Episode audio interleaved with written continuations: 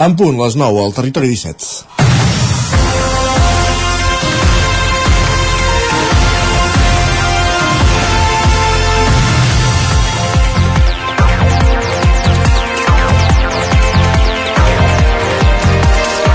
A la mateixa hora que dissabte finalitzava el primer ultimàtum de l'exèrcit d'Israel perquè en qüestió d'hores més d'un milió de palestins abandonessin casa seva al nord de la franja, unes 300 persones es concentraven a la Rambla del Passeig de Vic en solidaritat amb el poble palestí.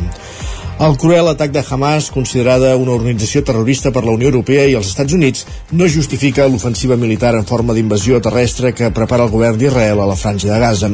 L'estat hebreu té dret a defensar-se de Hamas i protegir la seva gent, però la població civil mai pot ser moneda de canvi entre els estats ni amb les organitzacions terroristes. De moment, és qui està rebent les conseqüències del conflicte. Els bombardejos sobre gas han provocat més de 2.600 morts i 9.600 ferits i a Israel han perdut la vida 1.400 persones pels atacs des de dissabte passat de Hamas. Israel ha sotmès la població de la franja a un setge brutal amb un tall d'aigua, electricitat i aliments que xoca amb els acords internacionals de l'Agència de les Nacions Unides pels Refugiats de Palestina. Ja ha denunciat que posa en perill la vida de les més de 2 milions de persones que hi viuen. L'ultimàtum perquè la població del nord de Gaza es desplaci, la resposta de Hamas demanant que no es moguin, situa de nou la població civil en una situació de vulnerabilitat al centre d'aquest conflicte.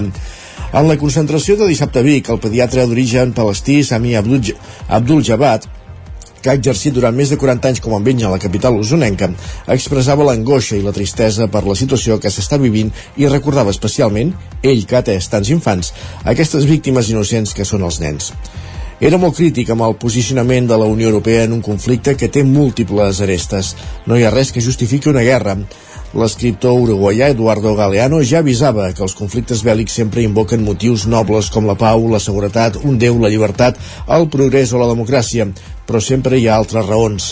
Cal exigir més que mai que respecti el dret internacional i es protegeixi la vida dels civils.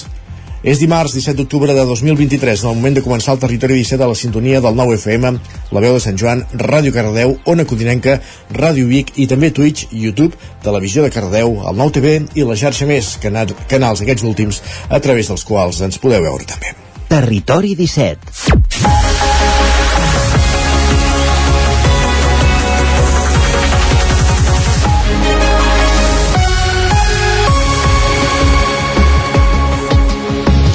Passen pràcticament 3 minuts de les 9 del matí d'aquest matí de dimarts 17 d'octubre de 2023 segon dia R, R de Rodalies, R de Renfe, R de R3 si contem des d'ahir que era el primer dia d'intensa afluència a la línia després del tall del passat dijous en parlarem de seguida aquí també a l'informatiu en aquest matí de dimarts, en aquesta primera mitja hora del programa en el que ens dedicarem a abordar l'actualitat de les nostres comarques.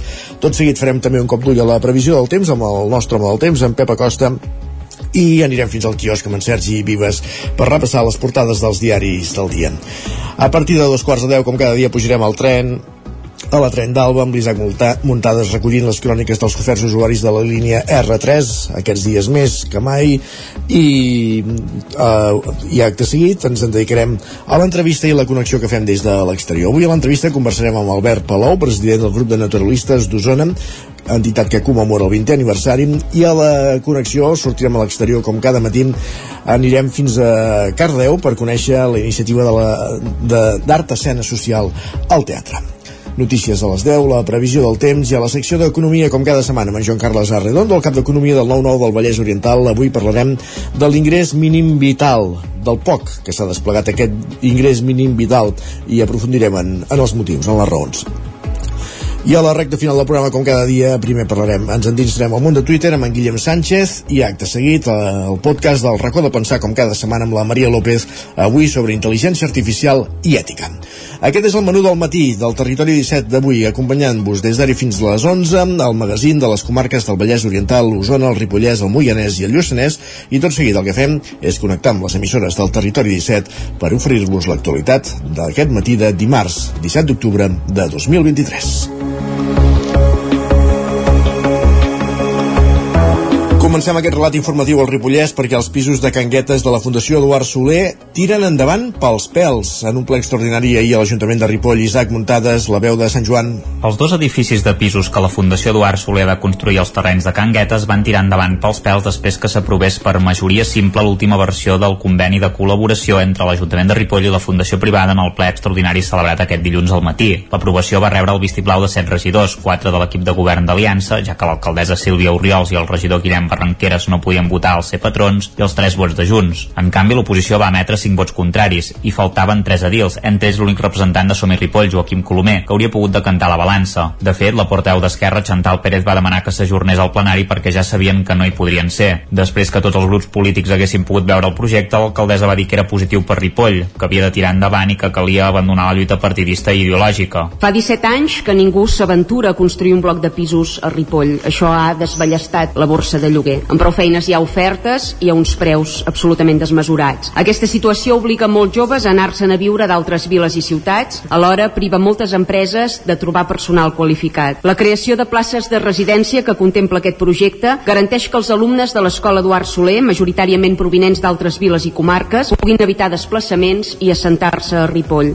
És un projecte que també beneficiaria els alumnes del Centre de Tecnificació Esportiva de la Vallaneda o els que estudien cicles formatius a l'Institut Abat Oliva. El conveni també inclou un compromís de gestió de 50 anys que Oriols va qualificar d'un risc assumible i l'Ajuntament també comptarà amb 7 pisos en propietat municipal. Tot plegat suposarà una inversió de 6 milions d'euros, però l'Ajuntament n'haurà de tornar 18 durant aquest mig segle. El regidor del PSC, Enric Pérez, va ser el que més preocupació va mostrar, sobretot perquè demanaven un estudi de viabilitat ben fet. Que no entenem tanta urgència i al final era un plantejament que ens semblava bé al maig, que ens pot semblar bé ara, però que, home, sisplau, anem a, anem a fer les coses una mica bé i agafar compromís de 50 anys sense un informe d'intervenció sense un estudi de viabilitat, repeteixo, sense cap memòria econòmica i una mica d'estudi plurianual del que representaran totes aquestes inversions, que això no s'hi pot donar suport a dia d'avui tal com està plantejat. Chantal Pérez d'Esquerra va demanar que es fessin pisos grans amb fins a 3 habitacions i que no es pot abandonar el barri vell en detriment d'aquest projecte. Pérez també va apuntar que la Fundació Eduard Soler havia sortit molt beneficiada de l'acord quan en el passat no havia complert amb algunes promeses fetes. A l'any 2022 tenia que tenir construït un habitatge públic a la parcel·la 2 de Can Guetes que li havíem cedit l'Ajuntament i tenia un import en aquell moment de 324.795 euros. I aquí s'havien de fer 21 habitatges de lloguers, venda. També se'ls va cedir el terreny de Camp Volant. Se'ls va cedir per import de 302.600 euros i s'hi havia de fer una residència. No han fet res. L'alternativa per Ripoll CUP va dir que el problema principal és que la Fundació tenia una línia vermella des que va arrencar el projecte el 2007, que és que no volia gestionar els pisos i que l'Ajuntament s'hi hauria d'haver negat. Junts no va posar-hi pega, ja que es tractava d'un projecte que ja havien treballat a finals del passat mandat. Abans de la votació, el secretari municipal va fer una llarga exposició per tal d'aclarir alguns dubtes.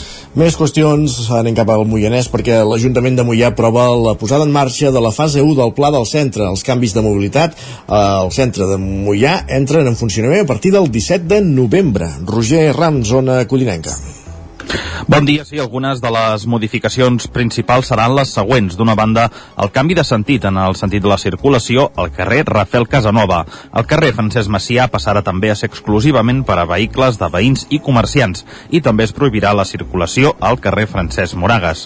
Xavier Bach és el regidor de mobilitat de l'Ajuntament de Mollà. Per iniciar el, el que seria el que anomenem el pla de centre, de fet, ja aquest estiu vam fer-ho, vam tancar-ho ja de, de manera provisional per veure com funcionava durant el mes d'agost uh -huh. i vistos els bons resultats, doncs eh, hem decidit doncs, eh, tirar endavant ja de manera permanent. Després també d'haver-ho parlat doncs, tant amb els veïns com els comerciants de l'entorn L'altre gran canvi és, atenció, la retirada dels aparcaments de zona blava a tot el centre, una decisió que va lligada a l'entrada en funcionament de l'aparcament soterrat a la plaça del Cap, que compta amb 200 places jo vull prendre com una gran oportunitat al final per, per redistribuir l'espai públic. Per això, eh, perquè hem posat a disposició de tothom eh, més de 140 places d'aparcament, a més que són gratuïtes a les dues primeres hores, com, com la zona blava, i per tant ja no tens la, no tens la necessitat d'haver d'entrar a la plaça de l'església a buscar si hi ha aquelles dues, tres places d'aparcament Tot i que els canvis redueixen i disminueixen el nombre de places d'aparcament a la via pública, el que sí que es mantindrà és el nombre de places de càrrega i descàrrega i també les d'aparcament per persones amb mobilitat reduïda. Més qüestions, retards. Eh, ho vam explicar ahir en directe aquí al Territori 17 en el primer dia feiner després del tall de la via per les obres de desdoblament entre les estacions de Figueroa i Mollet del Vallès, Sergi Vives, al 9FM. Els retards habituals de Rodalies han fet que molts usuaris optessin per agafar els autobusos que de forma continuada van sortir tots plens de l'estació d'autobusos de Vic. Optar per la carretera però també comporta retards, de fet en aquests moments eh, hi ha retencions a la C-17 a Granollers i de Parets a Mollet. Maria Carme Gil, usuària habitual de la línia R3 i membre del col·lectiu perquè no ens fotin al tren va, va fer ahir el trajecte del revés. Va sortir de Sant Miquel de Balanyà direcció a Vic a les 8 i 8 del matí i amb 19 minuts de retard. Sentim-la. Està clar que jo com a usuària i si jo hagués d'anar a treballar a Barcelona ho tindria claríssim que vindria ara per ara en autobús a Vic vale? agafaríem el cotxe això mm, és així perquè aquest cap de setmana ja ha passat vull dir que hi havia molta gent que en comptes de venir a, eh, amb el tren i refiar-se no ho han fet i per tant han agafat els bussos el col·lectiu Perquè no ens fotin el tren lamenta que s'hagin complert tots els pronòstics des de l'inici del tall i es manté ferm en les seves reivindicacions, puntualitat i coordinació. Maria la reivindicació Carme. sempre serà la mateixa, vull dir que, uh, que es compleixin els horaris, que tot funcioni bé. Si és que és simple, no hi ha més. A través de les xarxes socials, el col·lectiu ha publicat una guia amb tots els transports i les combinacions possibles per moure's per l'àrea afectada pel tall. Més qüestions. Els experts que formen el Consell Acadèmic per l'acord de claredat han presentat l'informe encarregat pel govern català el president de la Generalitat, un informe que respon a les cinc qüestions que planteja l'executiu de Pere Aragonès i que contempla cinc propostes de referèndum, Sergi. L'informe presentat pel Consell Acadèmic per l'acord de claredat considera el referèndum com un mecanisme útil en el procés de resolució del conflicte, del conflicte polític de Catalunya uh, i Espanya. Així ho assegura el president uh, del Consell Acadèmic, Marc Sant Jaume. L'informe recull cinc modalitats de referèndum. La primera possibilitat passa per un referèndum a Catalunya que reculli la voluntat ciutadana per posteriorment iniciar un procés negociador amb aquests resultats. La segona és el referèndum de ratificació que passa per preguntar exclusivament a la ciutadania catalana per una proposta tancada i negociada prèviament. El tercer i quart tipus de referèndum són iguals, però la sobirania recau en la totalitat dels ciutadans del conjunt de l'Estat. Finalment, una cinquena proposta implica fer dos referèndums diferents un exclusiu per Catalunya i l'altre a la resta d'Espanya. L'informe diu, però, que preguntar al conjunt de la ciutadania espanyola pot continuar bloquejant el conflicte. El Consell Acadèmic per l'Acord de Claredat considera el Constitucional com a possible àrbitre, tot i que reconeix el bloqueig que ha provocat amb algunes resolucions i impugnacions. Més, més qüestions. El president d'Òmnium Cultural, Xavier Antic, defensa l'amnistia. Considera que hauria de beneficiar unes 1.500 persones de les 4.400 que la mateixa entitat situa com a represaliats per l'estat espanyol en el conflicte polític amb Catalunya. Ho explicava en una entrevista al Nou TV. Antic també assegurava que l'amnistia ha de ser el pas previ a l'exercici del dret d'autodeterminació a través d'un referèndum. Això ho afirma. I per tant nosaltres creiem que aquesta amnistia és, en realitat, una autoesmena de l'Estat en la seva via repressiva i com un gest de que l'Estat de que pretén o vol, potser ja ara, abordar democràticament la solució del conflicte polític. També hi han instruments propis de l'estat de dret homologables internacionalment per resoldre quan una comunitat, quan un poble ambiciona dotar-se d'instruments eh, com els d'un estat propi i això se'n diu referèndum Xavier Antic també ha deixat clar que Òmnium Cultural està en contra de l'extrema dreta en totes les seves manifestacions, també la que hi ha dins de l'independentisme. Òmnium mai no alimentarà la, el que en diem és la fòbia antipolítica. I l'independentisme no està vacunat de tenir la seva pròpia extrema dreta que és el germen de eh, l'antipolítica i el germen del populisme. L'antipolítica és dir tots els partits polítics que existeixen són uns traïdors, són uns corruptes són uns dolents, no vehiculen la veu del poble i el populisme el que proposa és solucions simples per problemes complexos. Des d'Ònium consideren un avanç l'ús de les llengües cooficials, en concret el català, al Congrés dels Diputats. També veuen factible que la Unió Europea acabi forma, o, oficialitzant el català, una llengua amb 10 milions de parlants, la tretzena més parlada d'Europa, i que consideren una anomalia que no estigui oficialitzada. Aquest diumenge, com cada 15 d'octubre, entitats i partits polítics van fer la frena unitària a Lluís Companys, que es fa tradicionalment a Vic. El Lluís Companys, el president de la Generalitat, afusellat fa 83 anys, Sergi. Coincidint amb aquesta data, diu, uh, diumenge es va fer el monument i a la plaça que porta el seu nom de Vic l'habitual homenatge per part d'entitats i partits polítics. De nou, es va reclamar a l'estat espanyol que reconegui l'assassinat i demani perdó. Això ho manifestava el presentador de l'acte Ignasi Roviro. És un president escollit democràtic, democràticament, que ha eh, assassinat per ordre de l'Estat i que això en temps de la democràcia encara no ha estat reconegut des de l'Estat eh, aquest assassinat. Per tant, eh, a darrere hi ha una figura d'un president però també la dignitat política d'un país, el nostre i això seria absolutament necessari que l'Estat espanyol reconegués el, el fet de l'assassinat. Lluís Companys va ser president de la Generalitat Republicana el 1934 i de 1936 a 1940. Un president considera Ignasi Rovira molt important per l'època en el, seu, en el seu moment va ser un president molt important perquè és el que viu el que és el, el moment de la Guerra Civil Espanyola. A part de les seves circumstàncies personals, mm, amb molta dignitat va saber aportar la Generalitat fins a aquests moments últims. Durant l'acte es va fer una ofrena floral al monument i es va recordar la figura de companys amb la intervenció de quatre rapsodes. Els grallers de Vic també hi van participar interpretant la Muixeranga, l'himne del País Valencià, i va culminar amb el cant dels segadors. I també es va fer l'homenatge a Lluís Companys a Cardedeu, com ja és costum, des de fa anys, aquest diumenge a les 7 del matí, es rendia homenatge a Lluís Companys, eh, guany en el 83è aniversari de la seva mort, i per tercer any consecutiu s'ha pogut dur a terme també el jardí adjacent a l'Ajuntament que porta el seu nom. Enric Rubio, Ràdio Televisió Cardedeu. Aquest diumenge, 15 d'octubre, ha fet 83 anys que el president de la Generalitat, Lluís Companys, va ser fusellat al fusar de Santa Eulàlia del Castell de Montjuïc, en mans del règim franquista, i com ja és tradició a Cardedeu, l'Esquerra Republicana del municipi ha dut a terme un acte per commemorar aquest dia. Ens ho explica Núria Calvet, presidenta de la secció local d'Esquerra Cardedeu. Avui aquí el que hem fet és un acte que fem a les 7 del matí, així que toquen les campanes de, de l'església.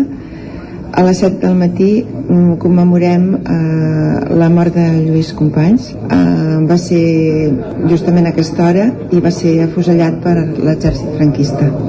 Quan el campanar ha indicat les 7 del matí, s'han llançat salves d'honor a l'aire davant de l'Ajuntament, fent referència als trets que van acabar amb la vida del president. L'esdeveniment ha finalitzat en el jardí Lluís Companys, un racó creat per Jordi Aliguer, que pretén rendir homenatge i memòria al president de la Generalitat. Nosaltres ho fem cada any, des de fa moltíssims anys, i sempre hem fet les salves d'honor a l'Ajuntament i han acabat eh, des de fa 3 anys, des de que podem tenir a Cardedeu un espai en honor del president Companys ho fem aquí al seu jardí. Precisament en aquest jardí s'ha fet la lectura d'un manifest i finalment, amb l'acompanyament de tres músics, s'ha cantat ja com a cluent de l'himne nacional de Catalunya als Segadors. Gràcies, Enric. I acabem aquí aquest repàs informatiu que començàvem al punt de les 9 en companyia d'Enric Rubio, Isaac Muntades, Roger Rams i Sergi Vives. És moment al territori 17 de parlar del temps i ho fem amb el nostre home del temps, en Pep Acosta.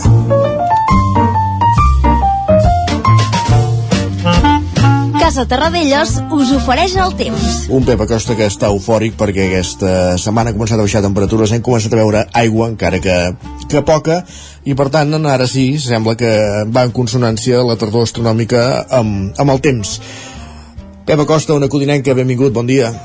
Hola, què tal? Bé, i tu? Molt bon dia. Per fi ja som dimarts, aniré avançant la setmana. Per fi, una setmana eh, gairebé 100% de tardor ahir eh, al matí es va creuar eh, un petit front. Mm, jo em pensava que plouria més plouria més. Eh, les pluges més importants que va preditoral i la costa. Um, continuem amb la sequera en moltes zones. I eh, molt poca pluja ahir, gairebé gens, cap a la zona del Pirineu, eh, que és on més fa falta, a les conques eh, més, eh, més al nord de, dels nostres rius, que van rebre molt poca aportació d'aigua ahir. Per fi les temperatures han baixat, eh, ja molt més normalitzades per l'època de l'any, eh, pot contrastos entre el dia i la nit, eh, no hi ha molta diferència entre el dia i la nit, i també eh, no hi ha eh, inversió tèrmica, és a dir, a les muntanyes fa més fred que no pas a les zones eh, més baixes. Avui mínimes, moltes, per sota dels 15 graus, alta muntanya, per sota dels 5 graus, fins i tot per sota del, del 2, 1, 2 graus en moltes zones. Avui serà un dia de molts núvols. Avui serà un dia de molts núvols, però poca puja. Uh, no hi ha manera, no hi ha manera, i de moment avui tampoc no plourà especialment. Uh, com deia, molts núvols, de cara a la tarda vespre és possible que plogui una mica cap a la zona del Pirineu, molt poca cosa, eh, no es descarta algun gruixat a una, a una, una altra zona, però poca, poca cosa en general, eh? molt poca eh, cosa si és que arriba a ploure. Eh, estem això, eh, amb, amb, amb una situació que ja ens poden afectar pertorbacions, però de moment eh, on més plou és cap a l'oest de la península ibèrica. Aquí no ens acaben d'afectar eh, del tot. Eh, veurem, veurem que, que acaben passant els pròxims dies però de moment això, eh, hem encetat una, un nou període, una nova, mm, una nova situació meteorològica, però de moment no rebrem pluges importants. Les temperatures avui més altes que les d'ahir.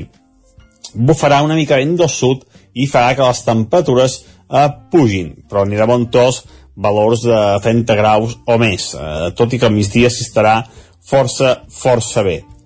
Uh, I veurem, veurem els pròxims dies. Sembla que el cap de setmana sí que podia fer bastant més fred i sí que podia ploure bastant. Uh, però tampoc no vull llançar les campanes al vol perquè després els mapes a última hora sempre fan un canvi i no acaba passant mai aquesta, aquesta puja. Veurem, veurem què acaba passant. Moltes gràcies, adeu. Gràcies, Pep. Parlem d'aquí una estoneta. I ara el que fem tot seguit del territori 17 és anar cap al quiosc. Casa Tarradellas us ha ofert aquest espai. Moment de saber quines són les portades dels diaris del dia.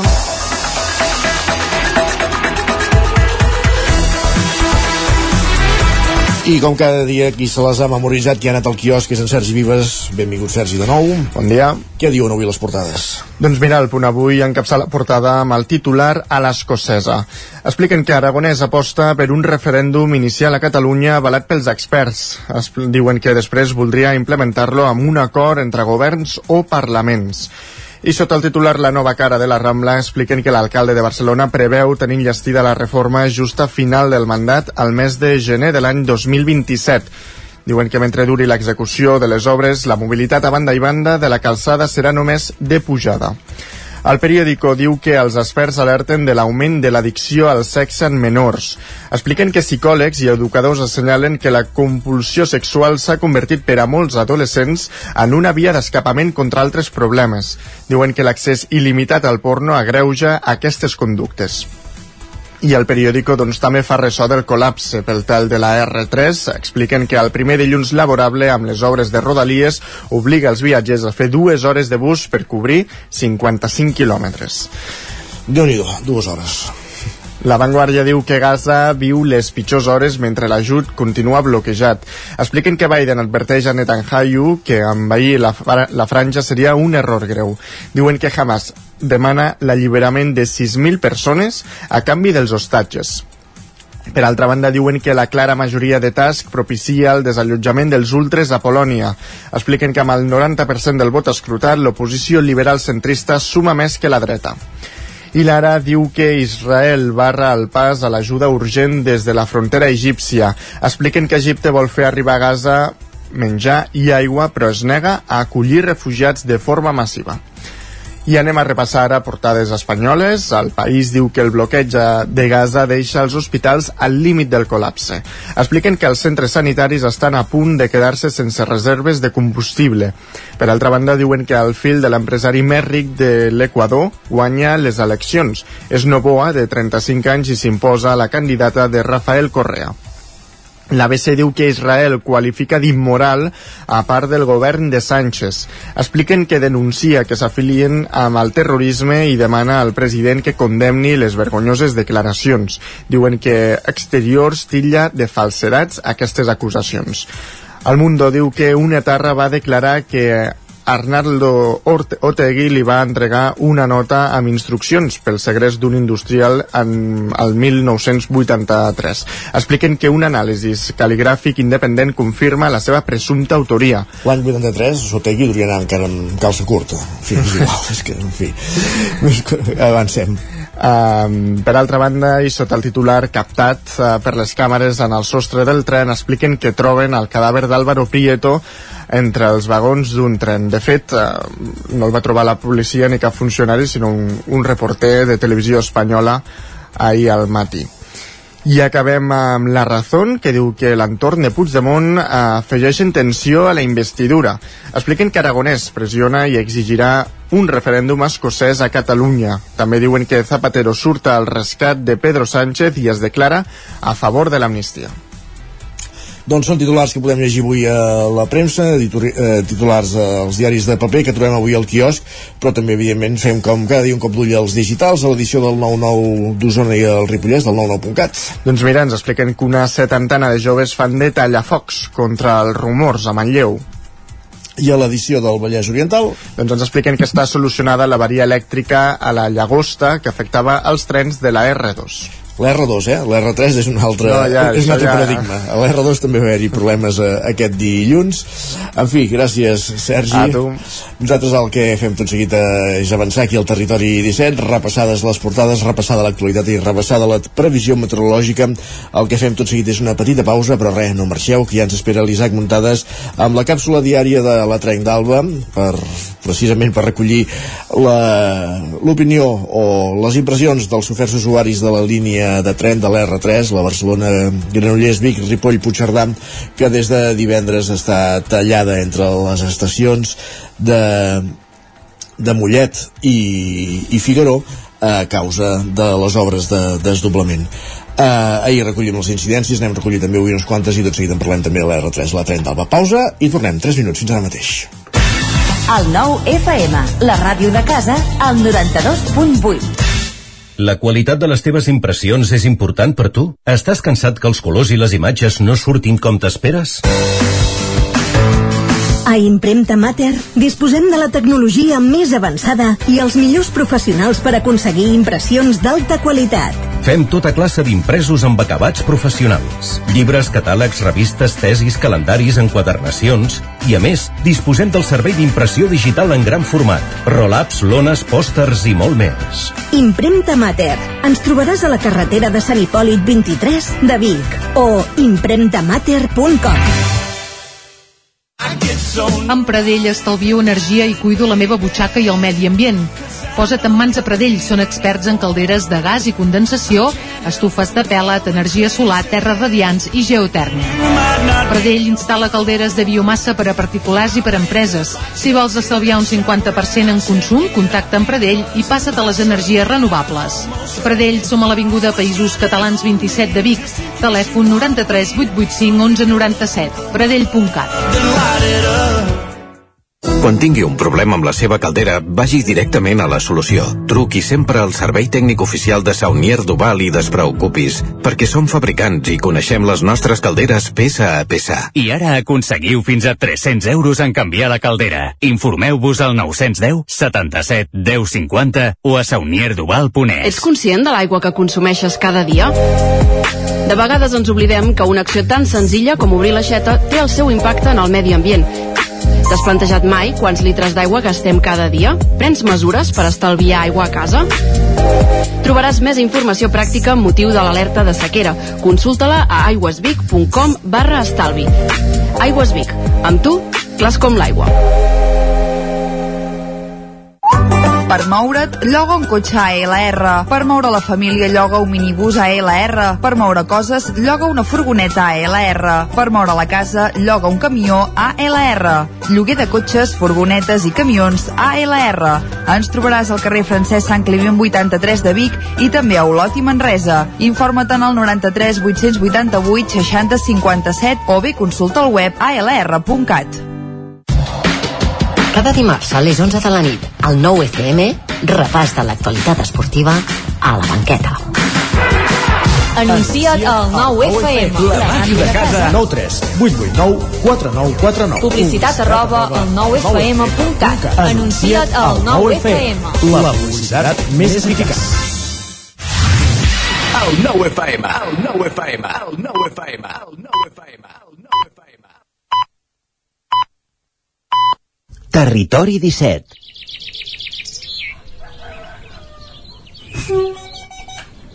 A Tren d'Alba. Cada dia els usuaris i usuàries de la línia R3 de Rodalies que veuen sortir el sol des d'un vagó ens expliquen les gràcies i les penes del primer comboi que uneix Ripoll i Barcelona o les feixugues jornades amb el tren després de treballar. Benvinguts a Tren d'Alba, el primer dia feiner després del pont en què el tall a la línia R3 entre Parets del Vallès i la Garriga per les obres de desdoblament va fer la guits als passatgers. Una incidència en un tren a l'Hospitalet va afectar les línies R1, R2 i R4. La pluja va complicar la mobilitat a Rodalies, amb retards de fins a 40 minuts, també a l'R2, aquí fora del tall, en què va haver-hi una incidència per una falta d'atenció a la catenària del Garraf que es va detectar al matí i no es va arreglar fins al migdia. També va haver-hi una incidència al sistema elèctric de la Llagosta, detectada a les 7 del matí i que fins 5 hores més tard no es va solucionar. Tornem al manual de supervivència del col·lectiu perquè no es fotin el tren perquè ens donin alternatives al comboi. Als hostalets de Balanyà hi ha el bus 406-407 de Vic a Granollers, mentre que a Centelles hi ha busos de Rodalies, un dels quals un va cap a Mollet en parades, dos busos directes a Mollet i quatre busos directes a Barcelona. També hi ha el bus 406-407 de Vic a Granollers. Precisament en Jordi Vall ens va passar una foto del bus. Podem escoltar la seva crònica d'avui. Molt bon dia. Sembla que el servei d'autobusos substitutori de la R3 es va posar en el lloc. Ens feia l'autobús de les 6 del matí, perquè la gent que arriba a Centelles a dos quarts i deu, més o menys, de 6, no es quedin penjats 40 minuts. I a més l'horari ho posava a partir de les 6 servei substitutori, no a les 6 i 20. Imagino que poquet a poquet anirem afinant coses. La veritat és que l'experiència és bona. A les 7 del matí era massa grera. Hem arribat dos minuts, tres i el metro. Els de Barcelona, quan es queixen de que el metro no funciona bé, cada 3 minuts tenir servei, tela de guai. Coses curioses. A Centelles, bàsicament, la persona, la gent que t'atén és molta gent del poble i de la comarca i van amb armilles, eh, molts de segalers o amb armilles que no identifiquen el servei o Renfe. A Barcelona, Sagrera, el personal és interventors i interventores de Renfe i personal de segalers. Ningú que porti armilla de Rodalies, per descomptat. I els autobusos no posa Rodalies, posa Renfe o Renfe substitutori, per tant, es nota qui mana. O sigui, Rodalies no apareix ni està ni se l'espera. Realment eh, ja sabem que és un servei substitutori de Renfe, però el titular del servei és Rodalies. Generalitat de Catalunya, hola? Després, amb el tema dels autobusos de 12, ahir almenys hi havia cues molt llargues dels companys i companyes que venen de Vic molt inquiets per al tema de l'E12 i venen abans, fan cues i sembla que no per culpa de Segalés, aquí es va comprometre la Sanitat de Catalunya. Eh, no sé, cadascú eh, surt a la foto amb el que fa. Perdoneu, eh, però jo ho veig així. A veure, la tornada molt bé, de moment bé, tu en 40 minuts de Sagrera Centelles no ens podem queixar. El que s'ha de fer és que els trens esperin els autobusos, perquè hi ha gent que s'espera més de mitja hora. Anem fent, a veure com va. Ànims! Adéu-siau. De tot el que has dit, Jordi, em queda un baixó del final. Perquè aquest servei substitutori funcioni bé, els trens s'haurien d'esperar als autobusos, seguint l'horari que tocaria. Si no, la gent que va en bus potser arriba molt més tard al lloc del destí, ja que el tren no s'espera que arribin. Va, ens retrobem demà amb més històries del tren i de l'R3. Territori 17 3 minuts i mig que passen de dos quarts de 10 del matí.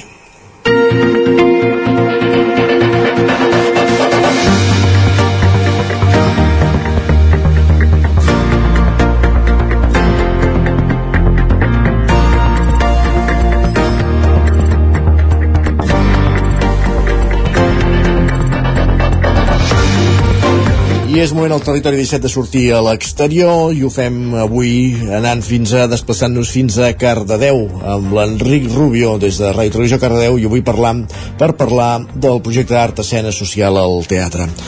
Enric Rubio, Ràdio Televisió Cardedeu, benvingut, bon dia. Bon dia, Isaac, què tal, com estem? Bé, i tu? Molt rebé, mira, doncs avui han sortit, eh, ho tinc a propet de casa, t'haig de dir, o sigui Bé, que eh, m'ha estat fàcil, sí, he anat al, estic al Teatre Auditori a Cardedeu i us vinc a presentar res, un aniversari, així que res, comencem. Doncs per molts Ah, anys, eh? qualsevol- Si hi ha un aniversari pel Sí. mig.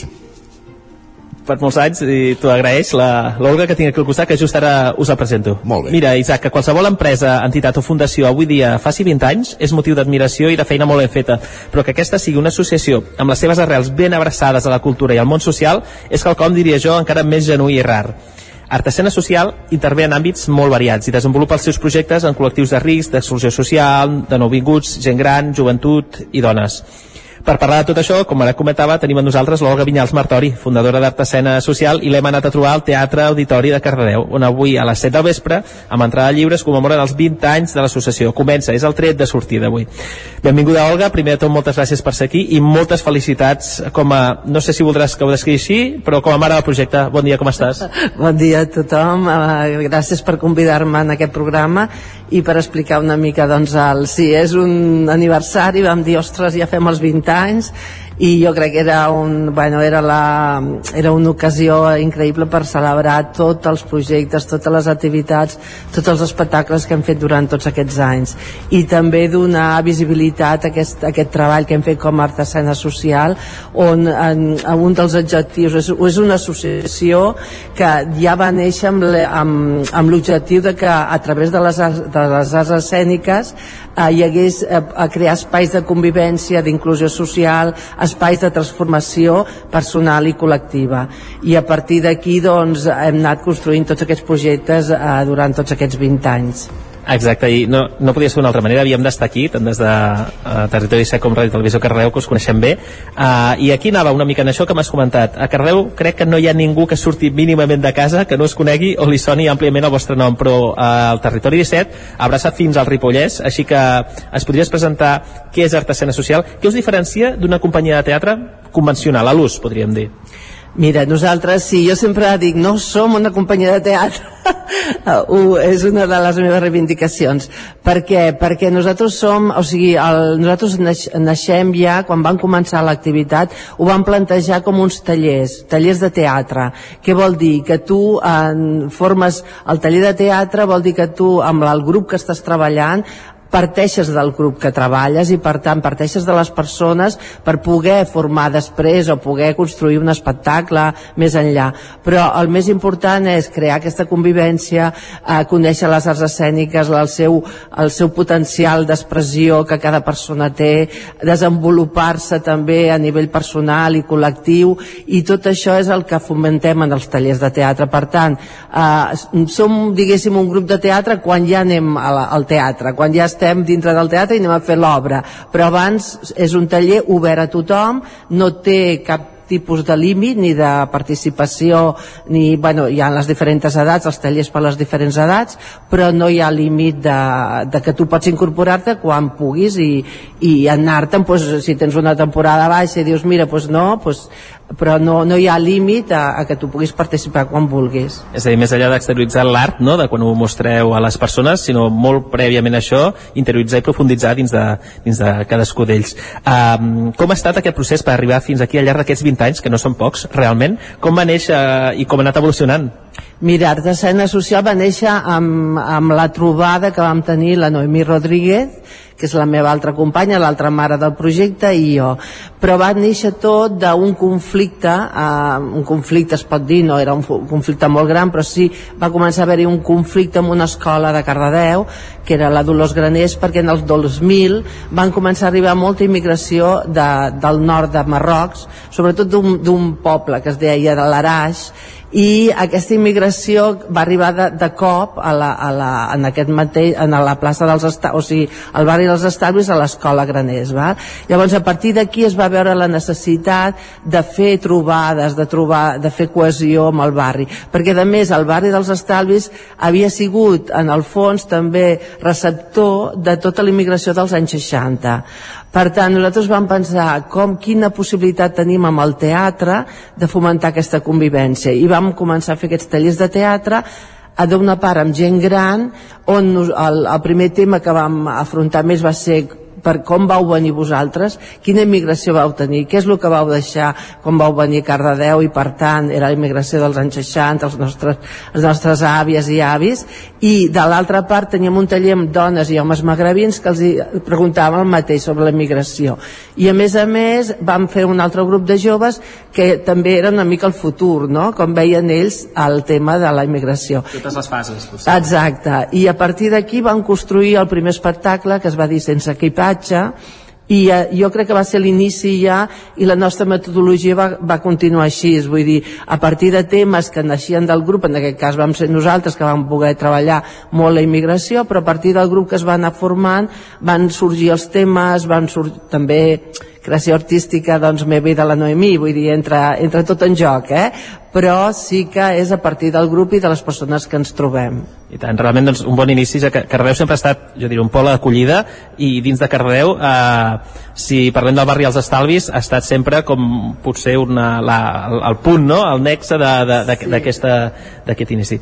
Uh, aquesta setmana uh, entenc que, si més no, uh, és especial i diferent per totes vosaltres i, i entenc que per les mares del projecte potser encara una miqueta més.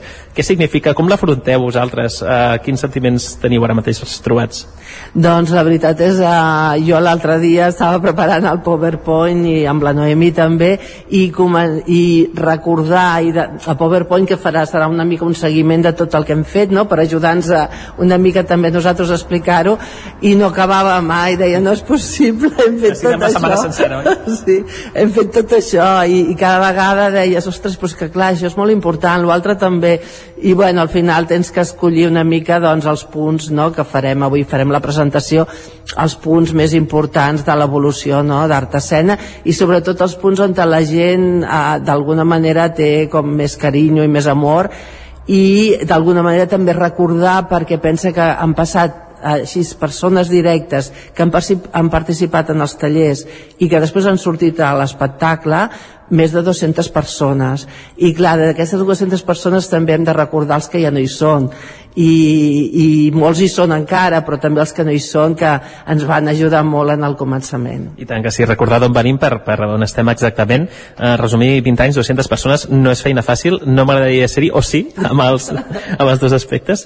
Um, què es trobarà precisament la, la gent que vingui aquest vespre uh, avui a les, a les 9 del vespre al Teatre Auditori a Cardedeu, ai a les 9, a les 7, disculpa. A les 7, doncs es trobarà que mm, jo crec que es trobarà a valorar una activitat que sí que és reconeguda a Cardedeu perquè hem tingut sempre el suport de l'Ajuntament i hem treballat amb moltes entitats de Cardedeu. Nosaltres que sempre el que hem, hem intentat és fer xarxa però es trobaran jo crec amb una, amb una evolució i amb, un, amb uns objectius que potser eh, en el 2003 quan nosaltres vam començar eren bastant eh, eh, es, es, no estranys eren pioners, com pioners exacte, volia dir pioners perquè en aquell moment no s'estava parlant de les arts escèniques com a instrument de transformació social cosa que ara sí, ara hi ha moltes entitats. clarament que és potser un dels exacte, canals més clars. Més clars de, de, de poder treballar en els barris, en les associacions en el, en el carrer. I, el, i també vam néixer com Artibarri, no sé si coneixeu Artibarri Barcelona, que va ser el primer nucli d'associacions que també creien en, en, en, en fer tot un procés no, de, de treball també amb, amb el teatre i amb, amb arts escèniques. I ells també fan 20 anys ara i, i bueno, és allò de que jo crec que vam ser pioners també et diré, la, et diré per què un de, jo, vaig, jo soc carreteuenca vaig néixer aquí però vaig estar molts anys a Milà, Itàlia i vaig estar treballant 10 anys a les presons amb el teatre.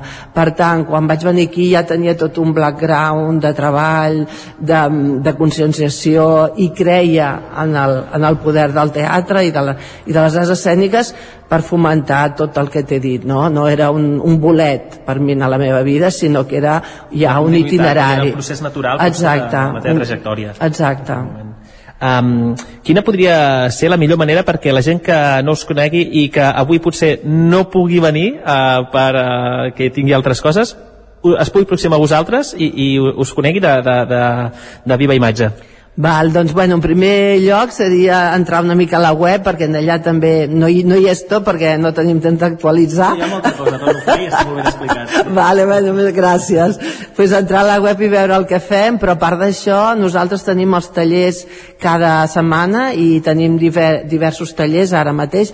El dilluns sempre ens trobem de 5 i mitja a 7 a la Tèxtil Race, la nova fàbrica de cultura d'aquí a Cardedeu, i, el, i llavors els dimecres també fem eh, tallers per a joves adolescents, tallers per a adults i, i tallers també per... Sobretot el dilluns és el, el, el lloc d'encontre, de trobada, perquè és el taller de teatre social que diem nosaltres i allà acollim a gent de totes les edats, és més intergeneracional i sobretot també hi ha gent gran. Mira, amb això que em comentaves, això de la gent que us vulgui veure, i si algú vol formar part, que ara ens està escoltant i diu, ostres, a mi això m'interessa, uh, potser mm, és una cosa que no sabia que estava buscant i ara ho estic escoltant i, i és el que vull o necessito.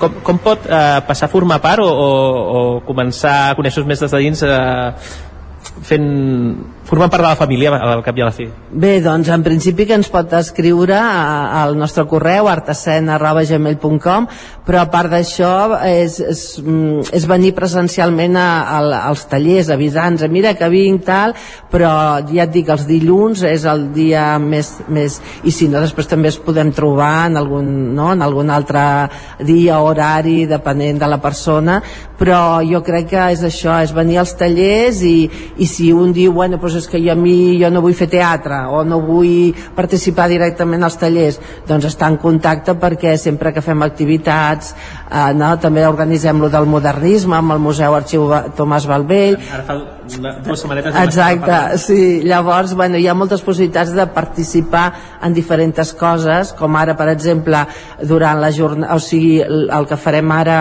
el 25 i 26 de novembre, que farem la- l'estrena del nou espectacle, del nou projecte que es diu Velum, i també farem el cabaret de teatre social, que farem una mica una autocelebració, eh, doncs durant les jornades doncs necessitem gent que ens ajudi, vull dir que voluntaris que ens ajudi a organitzar, que vulgui participar És un moment idoni per començar- exacte, són molt benvinguts. I tant que sí. Doncs res, eh, avui serà un dia especial per la gent de Cardedeu perquè som, entenc que no és només gent d'aquí a Cardedeu, la gent que conforma eh, si no m'equivoco, oi? Bueno, normalment és gent de Cardeu, però a Brassa, Sant Antoni, Llinars, eh, hem tingut, no? Baix Mosseny i la Plana, oi? Exacte.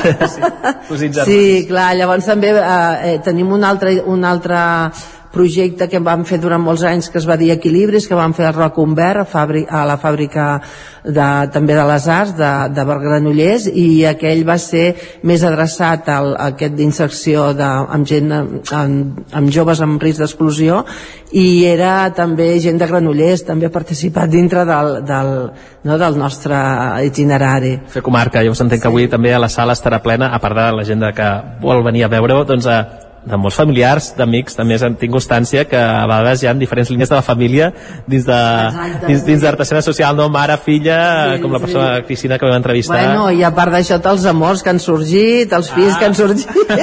Imagina't. Isaac, veus que aquí tenim tota la línia de, de futur de Cardedeu, eh? Això està Sí, no, la veritat és així, eh? gent que et diu ai, que bé, en aquell taller em vaig conèixer després ja s'han casat, potser Carai. no participen més a artesana però és igual, o bé l'àvia o bé, jo, bueno, és la veritat tenim, podem explicar moltes anècdotes de, de famílies que s'han fet d'amors que s'han trencat o s'han, s'ha- eh, bueno, han de tornat. tot I, i, que així, I que així segueixi, Ja que avui, avui, avui pot ser...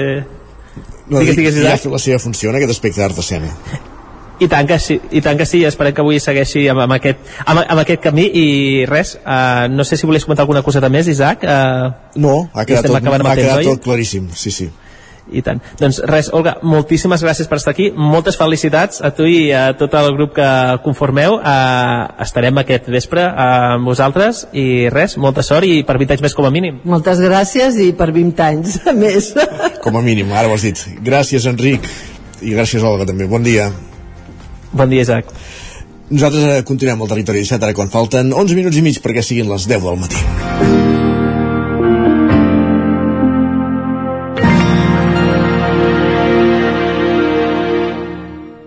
I el que fem tot seguit és avançar les notícies de les 10. Territori 17. Us hem anunciat que avui al Territori 17 conversaríem amb el president del grup de naturalistes d'Osona, amb Albert Palou. Ho farem a partir de les 10 del matí. Com dèiem, mentrestant, ens posem al dia amb l'actualitat de les nostres comarques, l'actualitat del Territori 17, l'actualitat del Vallès Oriental, Osona, el Ripollès, el Moianès i el Lluçanès i en connexió amb les diferents emissores que dia a dia fan possible aquest programa. Una d'elles és el 9 FM i cap allà que anem perquè la clamídia, la gonorrea i la sífilis són les tres infeccions de transmissió sexuals més registrades a la demarcació de Barcelona. Segons informa, segons un informe de la Diputació, els casos no paren d'augmentar, sobretot en joves, i Osona no n'és cap excepció, Sergi. Segons aquest document, en total hi va haver 5.057 nous casos d'ITS de declaració obligatòria individualitzada en el període 2019-2020 i prop del 50% dels casos es diagnostiquen en menors de 25 anys i Osona doncs, no n'és una excepció. La, tasca de, la taxa d'incidència en, en casos per cada 100.000 habitants no para d'incrementar-se en els tres municipis més grans que s'han analitzat analitzat, Vic, Manlleu i Torelló. La infecció per clamídia és sense cap mena de dubte la que registra més casos i un creixement més pronunciat en les tres localitats. Tal com assenyalen les últimes dades de l'informe, el 2020 a Vic se'n van detectar 30 nous casos, 20 dels quals en dones i 10 en homes. A Manlleu 16, 7 en dones i 9 en homes i a Torelló 7 4 en dones i 3 en homes. Tal com es desprèn d'aquestes dades, és una de les malalties més freqüents en dones i també és la, que, la més comuna en joves. La gonorrea i la sífilis ocupen el segon i tercer lloc del podi osonenc. Una de les principals causes de l'increment d'aquestes malalties de transmissió sexual és la dificultat per controlar-les, ja que molt sovint no presenten símptomes.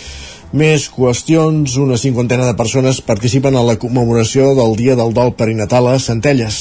Estimar de manera incondicional un fill o una filla i haver-li de dir adeu abans de néixer és un cop dur dels que poden deixar empremta. Aquest mal per la pèrdua d'un fill durant l'embaràs es coneix com a dol perinatal i gestacional, del qual se'n commemora el Dia Mundial cada 15 d'octubre. Així doncs, aquest diumenge a Centelles s'hi va fer un acte, per primer cop, amb la voluntat de donar visibilitat a aquestes pèrdues i fer un petit homenatge als fills que van marxar massa d'hora. La Cristina Naranjo i la Raquel Franquesa van explicar el seu testimoni per ajudar també a famílies que es puguin trobar en la mateixa situació. Els pares que hem perdut un fill, per nosaltres sí ha existit. I en volem parlar. Volem integrar-lo a la família. Sí, tenen nom. La meva filla es diu Carla. I sempre serà la germana gran de la Nara. No parlar d'ella com si no hagués existit fa mal. La meva filla es diu Ona eh, i ara al gener farà 6 anys que, que va marxar. Quan una família té aquest aquest tipus de mort és molt important tenir un suport a nivell sanitari i a nivell de, de grup amb la societat, de trobar-te amb, amb iguals que han passat pel mateix que tu L'alcalde de Centelles, Josep Parell, la regidora d'Igualtat, Aina Galcera, durant la commemoració van anunciar que en el marc de l'ampliació del cementiri es complementarà un lloc destinat al dol gestacional i, perina, i amb perinatal. l'anel de que quan estigui fet doncs tinguem aquest racó on cadascú doncs, el pugui utilitzar de la manera que li sigui més idònia. una zona on tothom podrà commemorar i recordar els seus fills i filles A Osona anualment moren una mitjana de 5 nadons en els moments propers al part i s'interrompen una dotzena d'embarassos per causes diverses. Més qüestions, el repte esportiu i solidari, l'Oncodines Trail, ha estat reconegut per la seva tasca de difusió d'hàbits de l'esport. Roger Ram, zona codinenca. Exacte, el repte esportiu i solidari on Codinastrell ha estat reconegut per la Fundació Catalana de l'Esport en la categoria de difusió dels hàbits i valors de l'esport. Aquesta fundació celebra anualment una gala de premis de l'esport que pretén donar visibilitat a projectes esportius del país. Enguany aquesta cita arriba a la seva setena edició i ha inclòs aquest repte codinenc en la seva llista de premiats. El director de l'Oncodines, Lluís Vilalta, es mostra sorprès d'haver rebut el premi i apunta que notícies com aquestes són molt bones, sobretot per donar visibilitat a les persones que pateixen càncer. Hem rebut com una sorpresa, això d'entrada, perquè no, no ens ho esperàvem i, i bé, doncs són sorpreses molt agradables que al final sempre van bé. Per nosaltres el que significa és el reconeixement a la feina feta per una colla de persones que treballen desinteressadament, que treballen moltíssim, que a més a més de treballar s'ho passen superbé i que, i que a sobre, a sobre, d'un principal, a, a, serveix per ajudar la gent que està malalta. És dir, eh, per mi és un reconeixement a tota aquesta gent. Tot el més està molt bé, però, però és, és important per això. Vilalta explica que el que més es valora en aquestes ocasions és el fet de rebre visibilitat i ho aprofitaran al màxim per donar a conèixer la prova. Recordem que enguany l'organització té el repte d'arribar als 200 equips inscrits i als fins a 200.000 euros recaptats. Home, hem d'arribar als 200 com sigui. Si ens donen el micro el dia del, de l'entrega del premi, hem d'aconseguir que la gent es fixi en nosaltres. Nosaltres només volem això. No, no volem quasi bé ni, ni ajuda econòmica. Volem que ens deixin, que ens facin, que, que la gent se n'enteri que la gent s'apunti, que, que pels diners ja ens espavilarem per aconseguir-los perquè, perquè la gent és molt solidària i al final eh, ja els engrescarem perquè facin aportacions, perquè eh, volem 200 equips, volem 200 equips, volem 200.000 euros i aquest és un objectiu molt, molt clar aquest any. Ara fa poc més de dues setmanes que ja s'han obert les inscripcions per la propera edició de l'Oncodines Trail que tindrà lloc al mes d'abril de l'any vinent. Hores d'ara ja són 30 els equips inscrits. Aquesta, segons els organitzadors, és una bona xifra tenint en compte que la prova encara queda lluny al calendari. Més qüestions, gràcies Roger. Anem cap al Ripollès perquè la Fira Catalana de l'Ovella de Ripoll reuneix 200 caps de bestiar de 25 explotacions.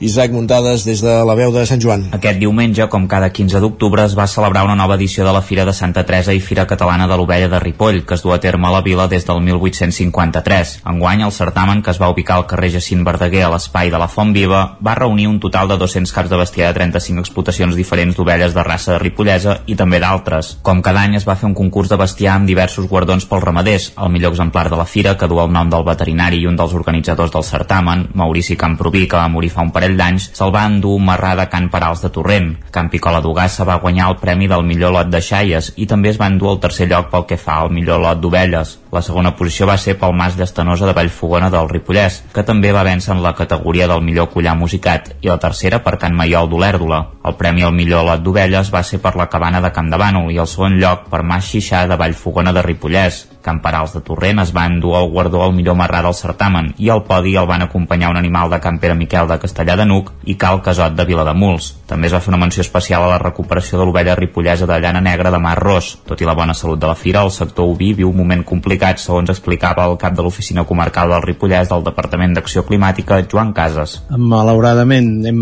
disminuït molt el cens de les ovelles, encara tenim alguns pastors i alguns de joves que hi posen moltes ganes i que gràcies a aquesta gent doncs s'està tirant encara el sector endavant. Però és cert, és cert que hem perdut, perdut molt bestiar oví, és una tasca difícil, els que es volen incorporar tenen problemes per trobar terres, la vaca ha anat guanyant terreny a les ovelles i que des del mateix departament estem intentant tornar a introduir el sector oví a les muntanyes de les nostres contrades perquè considerem que és un sector que millora molt la pastura d'una manera ben gestionada tant per la conservació del territori com per, per mantenir el que és l'ovella ripollesa doncs s'ha de tirar endavant. En aquest certamen es va recuperar l'esmorzar tradicional de productes derivats del xai que arran de la Covid-19 s'havia perdut les dues edicions anteriors. La fira també va comptar amb la presència de diverses paradetes d'artesania i d'alimentació.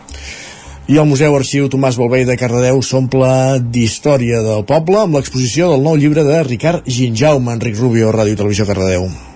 Aquest passat divendres, al Museu Arxiu Tomàs Balvei s'ha inaugurat l'exposició Cardedeu, Oficis i Comerços, basada en el llibre escrit per l'historiador local Ricard Ginjaume i editat per F2. Aquesta permet fer un viatge al passat de Cardedeu a través de fotografies i objectes de les col·leccions del museu i de les famílies del poble. Marta Núñez, tècnica del museu, ens ho explica. Doncs avui inaugurem una, una exposició, l'hem comptat amb en Ricard com a, com a comissari, que neix del llibre Cardedeu, Oficis i Comerços, i una mica la idea és, a partir de, de les fotografies que surten al llibre publicades i del fons del museu o peces que ens han deixat famílies i particulars, doncs poder recordar aquests oficis i aquests comerços que hi havia hagut a Cardedeu. Després de l'èxit de la primera publicació Cardedeu desaparegut i de la seva exposició, aquest any també s'ha volgut organitzar la mostra d'aquest segon volum seguint l'estructura del llibre i ampliant-la amb anuncis de botigues i en demostracions d'oficis tradicionals que es van dur a terme a la Fira Sant Isidre als anys 80 i 90. Ricard Ginjaume, autor de Cardedeu, Oficis i Comerços. Segueix bastant l'estructura del llibre per capítols, la, la gent trobarà una introducció, que parlem dels diferents oficis, o una altra sala del món de la pagesia, una altra d'oficis i una altra de botigues. Però, a més, al poder disposar d'aquest fantàstic espai, doncs hem pogut ampliar amb altres eh, temes, no hi ha un raconet amb diferents anuncis perquè la gent de botigues, perquè la gent doncs, es pugui entretenir a mirar-ho o des del Casal de Cultura d'Orella als anys 90 es va fer es va col·laborar amb la Fira de Sant Isidre amb una mostra d'oficis no? i enteníem que encaixava i també hi ha fotografies d'aquests moments per recordar-ho L'exposició, que neix també com a homenatge a tota la gent que a través del seu ofici han contribuït a fer créixer Cardedeu, estarà oberta al públic des del divendres 13 d'octubre fins al diumenge 19 de novembre. Gràcies, Enric. I un últim apunt per explicar que l'ACVIC estrena una exposició sobre la intel·ligència artificial que, que, que pot interactuar amb el món artístic Sergi Vives. Així és, l'origen de tot plegat és una activitat que s'emmarcava dins del projecte Osona Lab City. Un grup de persones es van apuntar voluntàriament al que elles creien que havia de ser un curs sobre intel·ligència artificial i en certa manera ho va ser, però el que se'ls va proposar era que utilitzessin els programes per crear els materials de l'exposició. Cristian Penedès és tècnic d'innovació social i digital de l'Osona Lab City i és la forma que pren eh, la voluntat d'obrir espais de reflexió crítica entorn la digitalització hem pensat que eh, l'aspecte del llenguatge artístic, que sovint ja és reflexiu, fa recerca, pot ser disruptor fins i tot, era una gran base per obrir aquests espais de reflexió de les implicacions de la digitalització en tots els àmbits, en el fons. Explica que es pot portar la intel·ligència artificial al límit demanant-li músiques aparentment impossibles. Eh, vam escriure, un dels que vam escriure, una formiga i una termita parlen de la seva amiga Emily, la, la Cuca, que escrit, i, i del seu últim llibre. Demanar-li coses molt estranyes, a veure quina mena de sons generava per forçar la màquina i per, per també, al final, forçar les possibilitats creatives de la intel·ligència artificial. Qui vagi a l'exposició trobarà també un espai de treball on ell mateix pot manipular programes d'intel·ligència artificial que incidiran en l'exposició. L'experiència tindrà una continuïtat a partir del 4 de novembre també a l'ACVIC. Quatre creadors que aquests sí utilitzen conscientment les eines de la intel·ligència artificial presentaran art digital transitant les excletxes. Seran Alba G. Corral, Roc Parés, Mònica Riquic i la biguetana Joana Moll. Gràcies, Sergi. Ara sí que veiem aquí aquest repàs informatiu que començàvem fa 12 minutets, passats tres quarts de 10, en companyia de Sergi Vives, Isaac Montades, Roger Rams i Enric Rubio. És moment al territori 17 de fer un cop d'ull al temps. Saludem de seguida el nostre home del temps, en Pep Acosta.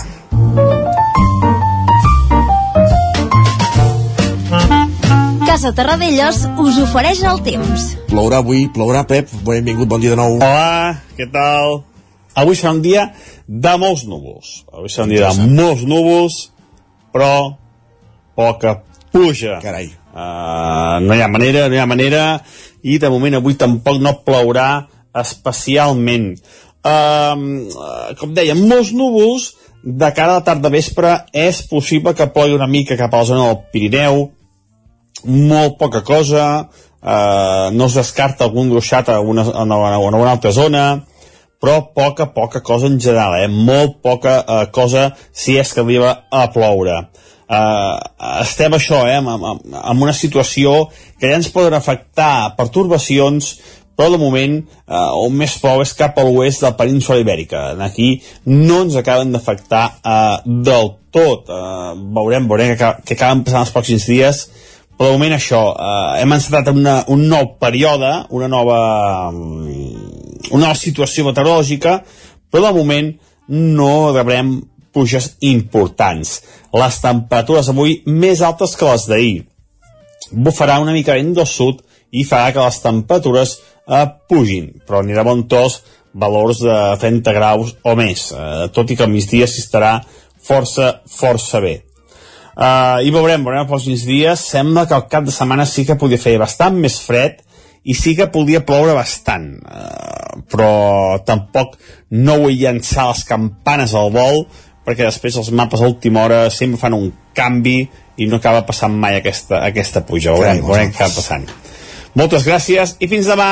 Adeu. Gràcies, Pep. Parlem demà i quan se'ls vagi costant el cap de setmana veurem si aquesta previsió es compleix. Gràcies, fins demà.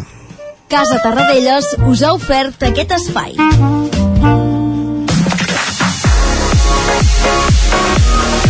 Territori 17 Passen 3 minuts i mig de les 10 del matí.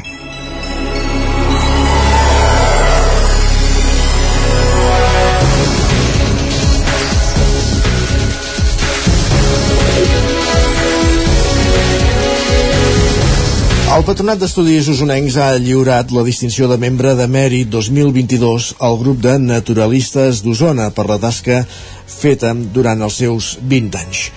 Al llarg d'aquestes dues dècades han fet diverses activitats i el que volem és parlar de l'activitat d'aquesta entitat del grup de naturalistes d'Osona, amb qui ara mateix és el seu president, l'Albert Palou, que ja ens acompanya aquest matí aquí al Territori 17. Benvingut, Albert, bon dia. Hola, bon dia, Isaac. Com esteu? Com estàs? Bé, home, també com es pot. Molt bé, home. 20 anys del grup de naturalistes d'Osona, primer posem-nos en, en situació. Eh, qui és aquesta entitat? A què es dedica el grup de naturalistes d'Osona? El grup de naturalistes d'Osona, eh, per resumir-ho fàcil, és, som una delegació ter territorial de l'Institució Catalana d'Història Natural, uh -huh. eh, que és la branca, diguem, de les Ciències Naturals de l'Institut d'Estudis Catalans, que bé, és una, és una entitat que ens ajuda moltíssim a poder tenir una associació fàcil de portar perquè fan molta feina per, per nosaltres. I bàsicament eh, som un grup de gent que a la comarca tenen inquietud per estudiar les ciències naturals moltes vegades en el seu temps lliure i per afició i per pura, per pura passió i intentem que el grup sigui un paraigües on tothom pugui trobar-se, compartir experiències i fomentar projectes d'algun tipus. Uh -huh. Us veiem moltes vegades associats promovent activitats conjuntament amb el grup d'anellament de Call d'Atenes o fins i tot amb, amb el Museu del Ter i sempre uh -huh. relacionades amb el món dels ocells entenem que això és una part de, de l'activitat del grup de naturalistes d'Osona. Sí, eh, Uh, aquí és important que tothom sàpiga que Osona és una comarca molt viva en aquest sentit. O sigui, hi, ha molt, hi ha moltes entitats i que pràcticament uh, cobrim, cobrim tot. Hi ha des de gent que fa coses més activitats científiques, uh, entitats més naturalistes i després uh, hi som nosaltres que sempre m'agrada explicar que som com una societat científica amateur, al final les dades i les coses que es generen a partir del grup de naturalistes i com també passa amb el grup d'anellament de Call d'Atenes, són dades que són útils a nivell científic, són útils a nivell de gestió i bé, sempre hem tingut aquesta voluntat d'anar construint relació amb, amb la comarca per, per, pura, per pura passió, eh, insisteixo. Uh mhm. -huh. Quin balanç es fa d'aquests 20 anys d'existència? De, Oh, balanç ja, no, no, no, pot, no pot deixar de ser positiu. O sigui, que vam, vam fer un acte molt bonic al Patronat d'Estudis Osonencs on la, la Bet va fer un, una glossa de l'entitat i, i molts dels que érem allà ens vam començar a sorprendre de tot el, de tot el recull de, de coses. Al final hi ha molta gent, cadascú intenta portar el seu projecte i, hi ha moltes coses. I després t'adones doncs, bueno, que has promogut eh, projectes com el de les casasses o la restauració de basses, que has promogut eh, la recopilació de milers i milers de dades d'orquídies o has mm, impuls... Sí, jo no, no, no puc deixar de, de, de fer un balanç molt positiu. La, la prova és com, per exemple, hem anat consolidant aquesta relació amb el Museu de, de Manlleu per poder tenir una programació estable i anual d'activitats que ja quasi venien més d'un al mes i que totes tenen molt d'èxit. Això demostra, bueno, part, de, part del que fem és intentar també divulgar i quan veus que té un retorn molt gran en la gent, amb, amb, amb canalla, amb gent interessada que venen i que t'omplen les sortides, va, doncs et dona una mica de satisfacció si, bueno, quan, quan, tens aquest, aquesta afició pel, per les ciències naturals, per estudiar la biodiversitat i això, sempre a vegades et sents sol i quan estàs al grup t'adones que, que hi ha més gent com tu i, i et trobes i comparteixes coses i és, és bonic. Uh -huh.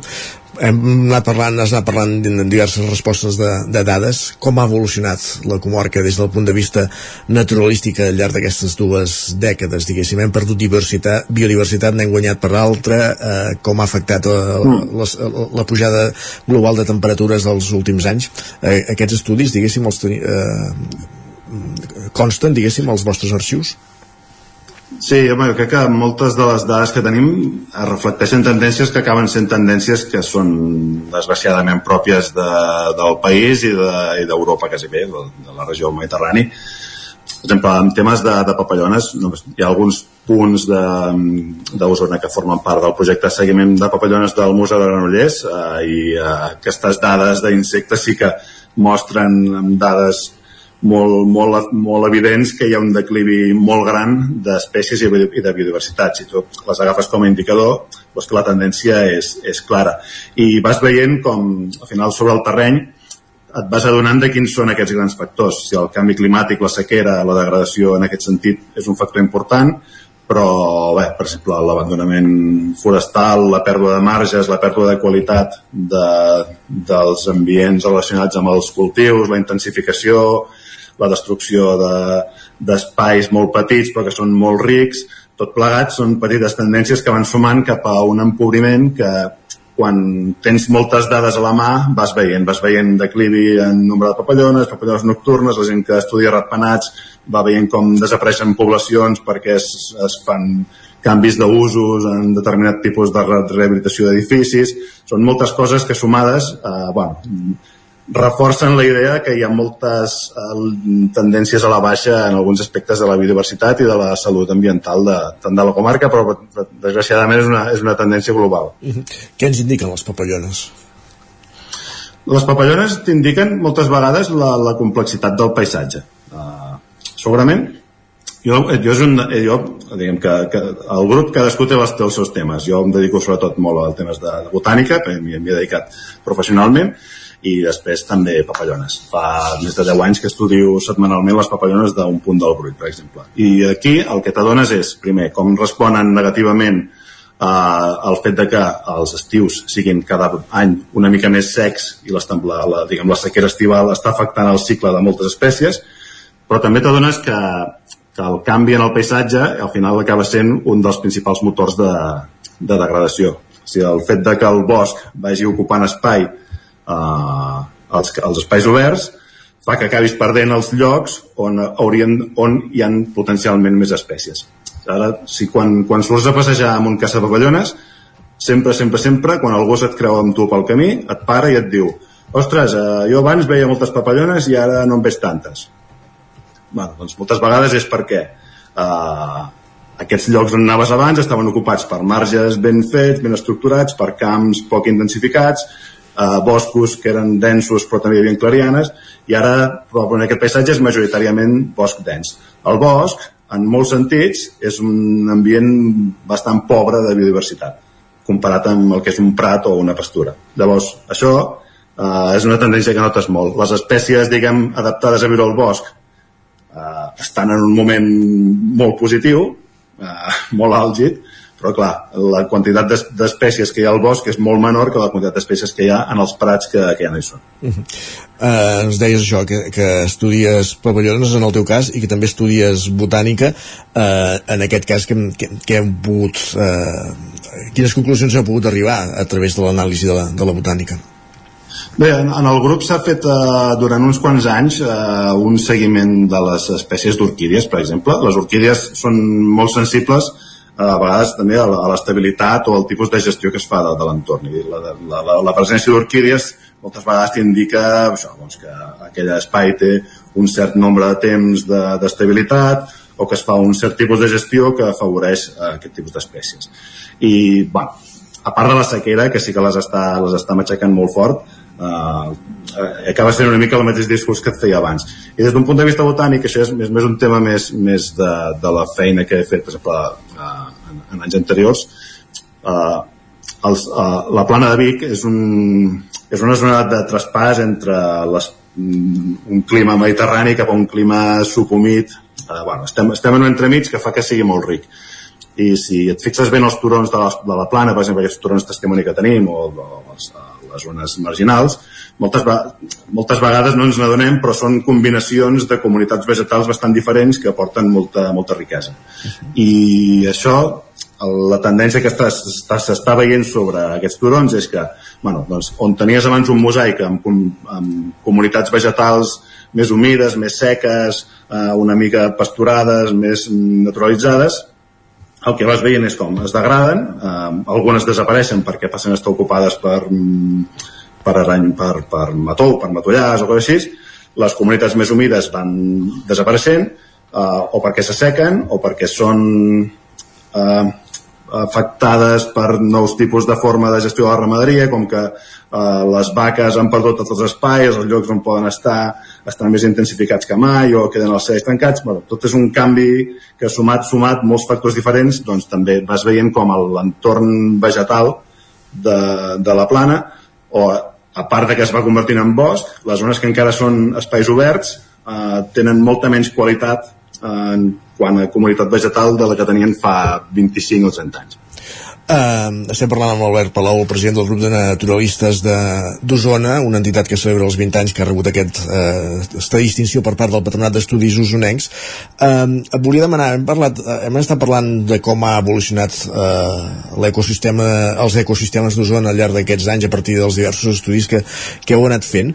M'agradaria posar una mica la mirada en el futur, perquè Osona, com la resta de, del país, patirà una transformació en el paisatge, diguéssim, amb l'aparició de, dels els parcs fotovoltaics. Eh, estem en aquest procés. No sé si vosaltres com a entitats heu fet alguna aportació en, en projectes en iniciatives participatives com pot ser el Plater diguéssim de cara això, a tenir en compte aspectes a l'hora d'instal·lar aquests futurs parcs fotovoltaics o com, com veieu des del punt de vista naturalista doncs aquesta, aquesta evolució, aquesta situació no, no, no diré amenaça diguéssim perquè sí que és cert sí. que és una amenaça pel territori però que evidentment comporta eh, els seus, la, la seva part positiva que és la generació d'energies netes diguéssim Sí, això, nosaltres hem, hem participat de, dels debats i dels processos que, que s'han anat fent des d'aquest eh, paraigües que és per, per una plana viva, uh -huh.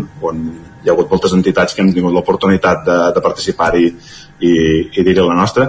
Aquest és un tema molt complex, perquè es pot mirar des de moltes perspectives i, i és un dels exemples que moltes vegades el tema de la biodiversitat, quan tu tens un problema multifactorial a davant, a nivell social comença moltes vegades a detectar-se que és bueno, bueno, no, no doncs tampoc serà tan important això m'explico. Uh, el tema dels parcs solars es pot mirar des de, des de moltes perspectives en el cas de la plana de Vic una de les, una de les coses que no podem perdre de vista és que ostres, invertir el nostre millor sol agrícola uh, en posar-hi plaques solars uh, potser també és una mala inversió en termes de sobirania alimentària. Llavors va, això a partir d'aquí ja és, és, un, és, un, és un tema que, que se'ns escapa però, ostres, uh, perdre o invertir uh, tota aquesta zona de la plana uh, que podria ser un espai agrícola de més qualitat del que tenim ara doncs escolta, potser un altre tipus de, de gestió agrícola amb un altre tipus de, de, de, de maneig amb un altre uh, bueno, uh, podríem recuperar gran part de la riquesa uh, paisatgística i riquesa en biodiversitat que hauria de tenir la plana i probablement això sigui incompatible amb ara transformar grans, grans, grans extensions eh, en parcs solars que a sota vés a saber quin tipus de maneig s'hi farà. També et diré que, que moltes vegades són debats complexos i que generen respostes eh, provocadores, eh? perquè moltes vegades també et tens gent al grup que et diu, bueno, escolta, doncs que potser sota un parc solar eh, tu pots tenir l'opció de tenir una comunitat vegetal molt més eh, rica que una altra cosa. Va, no deixa de ser especulacions interessants i jocs, però bueno, eh, és un debat és un debat molt, molt interessant i bastant, bastant divertit de fer però bueno, ja anirem veient com evoluciona també. Molt bé, i ara per acabar Albert eh, amb què està treballant ara mateix el, el grup de naturalistes d'Osona? Alguns projectes que tingueu entre mans? Home, ara, ja que se n'ha parlat bastant, un dels projectes que, diguem, eren històrics i que feia molt de temps que s'havien començat a promoure, diguem que sempre ens agrada dir, des de. Hi va haver una època en aquest país que érem rics i ens pensàvem que podíem fer qualsevol cosa, es, va fer, es van fer alguns projectes que s'havien d'anar subvencionats per caixes, que llavors les caixes han deixat d'existir. Bueno, és un, la història del món, del món associatiu segurament es pot fer. Però, bueno, a la llarga hem anat aconseguint anar tirant endavant gràcies a ajudes de, de la, del propi Ajuntament de Vic i de l'ACA el tema del, del projecte de les casasses crec que és un, és un tema bastant simbòlic que és aquest espai del polígon del Groguer al costat del, al costat del Gurri, on s'ha pogut habilitar dos grans espais, una bassa diguem, temporal que s'alimenta del freàtic una bassa pensada perquè sigui permanent, perquè reculli de forma intermitent les aigües pluvials, bueno, que ara no n'hi no ha gaires, però s'ha omplert diverses vegades aquest any, encara que no ho sembli, i que allà s'hi pugui desenvolupar una zona d'aigua molls natural, que sigui un punt de, de d'atracció de biodiversitat, que sigui un lloc on la ciutadania de, de Vic i d'Osona puguin anar a gaudir una mica d'un entorn natural i que també es puguin explicar la funció que fan aquests espais, perquè és, no només és no, no hem fet uns, uns aiguamolls allà perquè ens faci gràcia que hi siguin i per anar a mirar uns ànecs, sinó que, ostres, hem d'anar integrant que la, la planificació urbanística de les ciutats pot incorporar aquest tipus d'elements per, per protegir-lo. I allò s'ha modificat una mica la hidrodinàmica del, del riu, traient motes antigues, perquè en algun moment tot aquell espai serveixi, per exemple, com a amortització d'inundacions. Llavors, això és un altre dels serveis que ofereix. No només és eh, biodiversitat recreatiu, sinó que també ajuden a protegir una mica la, la ciutat des d'un punt de vista mm, de, de, davant de segons quins riscos. I aquest projecte de les casasses, que si la gent ara hi va, encara és una cosa una mica eh, bueno, atemporal, perquè, clar, aquestes coses necessiten potser 15 o 20 anys, com ha passat amb el Puig dels Jueus, perquè tingui un aspecte el més mm, atractiu possible, però bueno, si ets uh, naturalista també, també té certa gràcia veure una cosa com comença des de zero. Està clar. Albert Palau, president del grup de naturalistes d'Osona, gràcies pel temps, gràcies per ser aquest matí amb nosaltres al Territori 17. Moltes gràcies. Bon dia. Bon dia. I avancem ara quan falten 10 minuts perquè siguin dos quarts de 10 del matí. Territori 17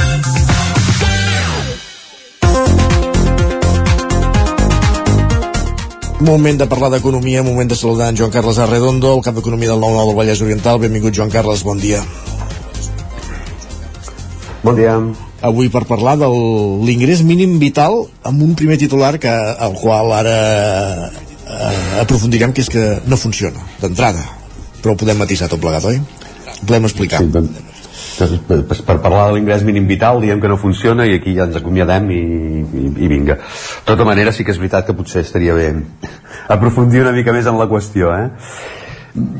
serem una mica més suaus si diem que, que no funciona eh, ho, ho direm d'una altra manera, és, és, és lluny de complir la seva missió.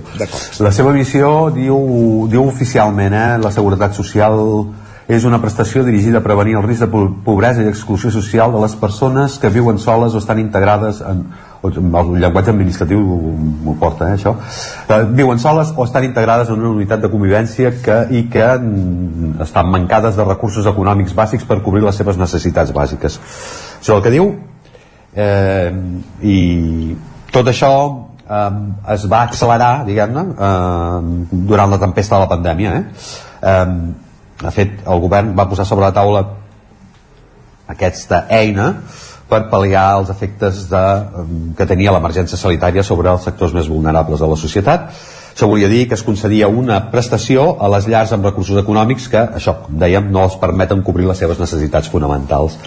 A passar la pandèmia, i sobretot ha passat la necessitat de missatges públics perquè, i per què no dir-ho propagandístics sobre la protecció que l'Estat donaria a la població més vulnerable i el resultat és que la prestació arriba a un 35% de les llars que tenen les condicions per accedir a aquest subsidi. Aquest subsidi que és d'uns 565 euros. Eh, la dada aquesta del 35% eh, no és una invenció eh? la dona l'autoritat independent de responsabilitat fiscal que és un organisme independent com, el seu nom, com indica el seu nom, tot i que un dels seus anteriors presidents és l'actual ministre de Seguretat Social, però diguem-ne que és, és independent, i fa informes sobre l'aplicació de les mesures econòmiques del govern i el compliment dels pressupostos de l'Estat. Aquesta és la missió de, de l'AIREF. Eh, que aquesta institució digui que una eina tan important en la lluita contra la vulnerabilitat no està arribant a tot el seu potencial pressupostari és un indicador que l'ingrés mínim vital no està funcionant i que cal furgar en els motius mm, pels quals el programa no està arribant a desplegar diguem, això, tot el seu potencial. Eh, L'informe de l'AIREF assenyala que el nombre de llars beneficiàries de l'ingrés mínim vital era al final de l'any passat de 284.000 persones. La xifra contrasta amb la que ofereix el govern fins al punt que, que quan l'organisme independent va comunicar les seves dades el mes de juny passat es va generar una d'aquelles polèmiques eh, en un got d'aigua eh, les quals el de menys eren els beneficiaris i el de més era fixar eh, el, allò que en diuen ara fixar el relat no? Uh, les dades del Ministeri apunten que n'hi ha 690.000 de llars uh, que, on arriba l'ingrés mínim vital. Però la xifra té una petita trampa. Indica quantes llars han rebut aquest ingrés en algun moment des de 2020 però no quantes l'estan percebent en aquest moment. Que això és el que feia l'informe de l'AIREF aquest matís és pertinent perquè en el sistema hi ha entrades i sortides. De fet hi ha més sortides eh, encara que poques que no pas entrades perquè els mecanismes d'accés a l'ingrés mínim vital estan marcats i aquest és un dels motius pels quals no està funcionant per un accés burocràtic tant per acreditar que s'està en el dret a percebre és a dir, tant per demostrar que s'és una unitat familiar vulnerable com per complir els requeriments de presentació davant de l'administració, és a dir, allò del segell, eh, diguem-ne.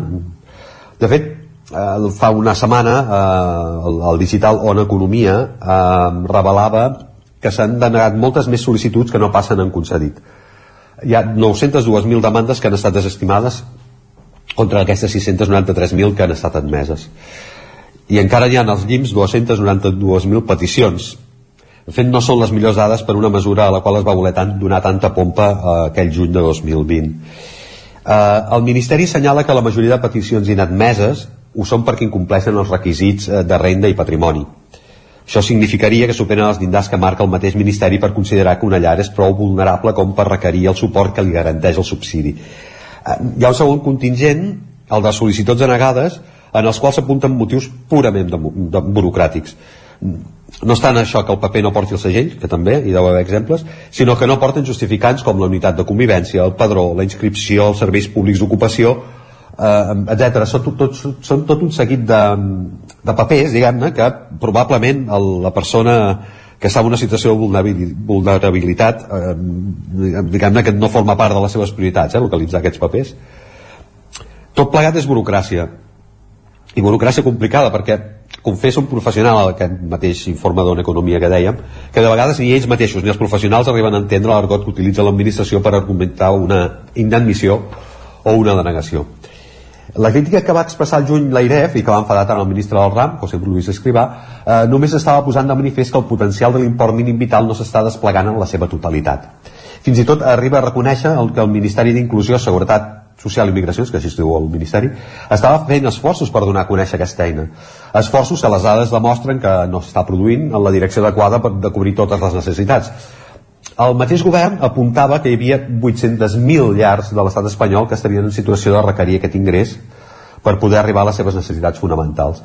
En el supòsit que fossin les 690.000 persones que diu, que diu el Ministeri, en, en aquests 3 anys, més de 3 anys que, que porta el, la mesura en vigor, eh, haurien sigut 110.000 llars les que haurien quedat excloses en el que presenta l'AIREF eh, eh, en són moltíssimes més eh? Eh, més de mig milió eh? déu nhi eh, amb un afegit eh, en el cas que, la, que alguna família beneficiària eh, hagi tingut un ingrés que li hagi fet superar el llindar de cobrament del subsidi durant el període de prestació i sent d'actuarà ràpid i li reclamarà eh, els diners L'ingrés mínim vital, ideat en temps de fortes incerteses pels efectes de la pandèmia, ha estat una mesura més publicitada que efectiva. Uh, la lentitud a arribar als sectors que més ho necessiten és palesa i una vegada més es posa de manifest que la, la població, els problemes li venen en directe i en canvi l'administració uh, contesta en diferit. Sol, sol passar moltes vegades. Gràcies, Joan Carles, una setmana més. I t'agraïm també la, la celeritat i la brevetat per intentar-nos fer entendre uh, la situació de l'ingrés mínim vital uh, avui aquí al Territori 17.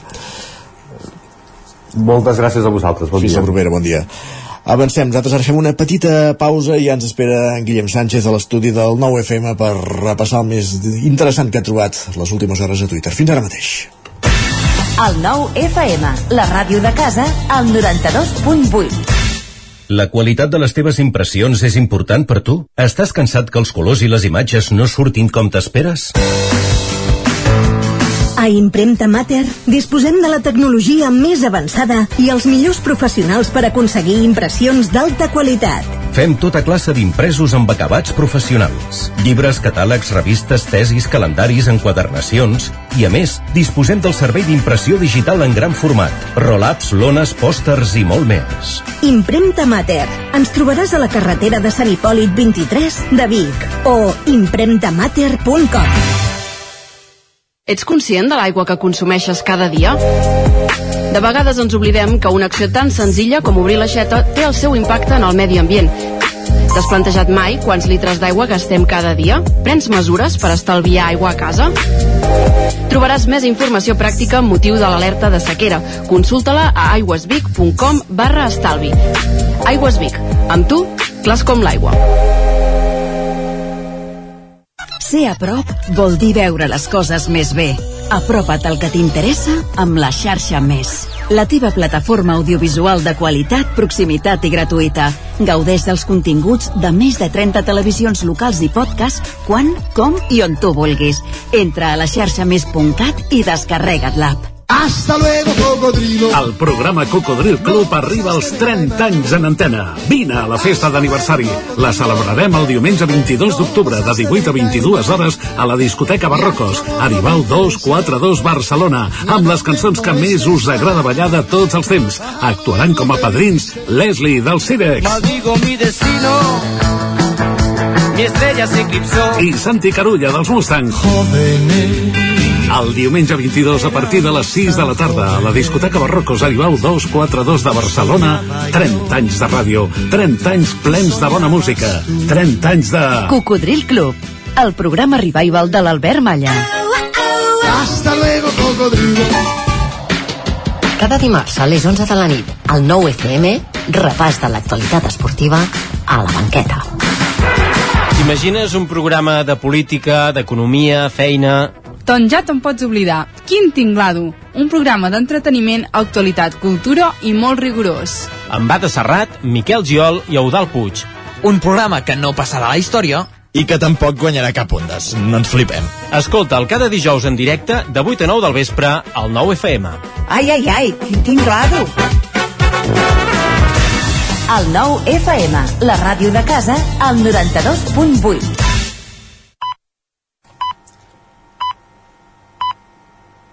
I al territori 17, dos quarts d'onze del matí.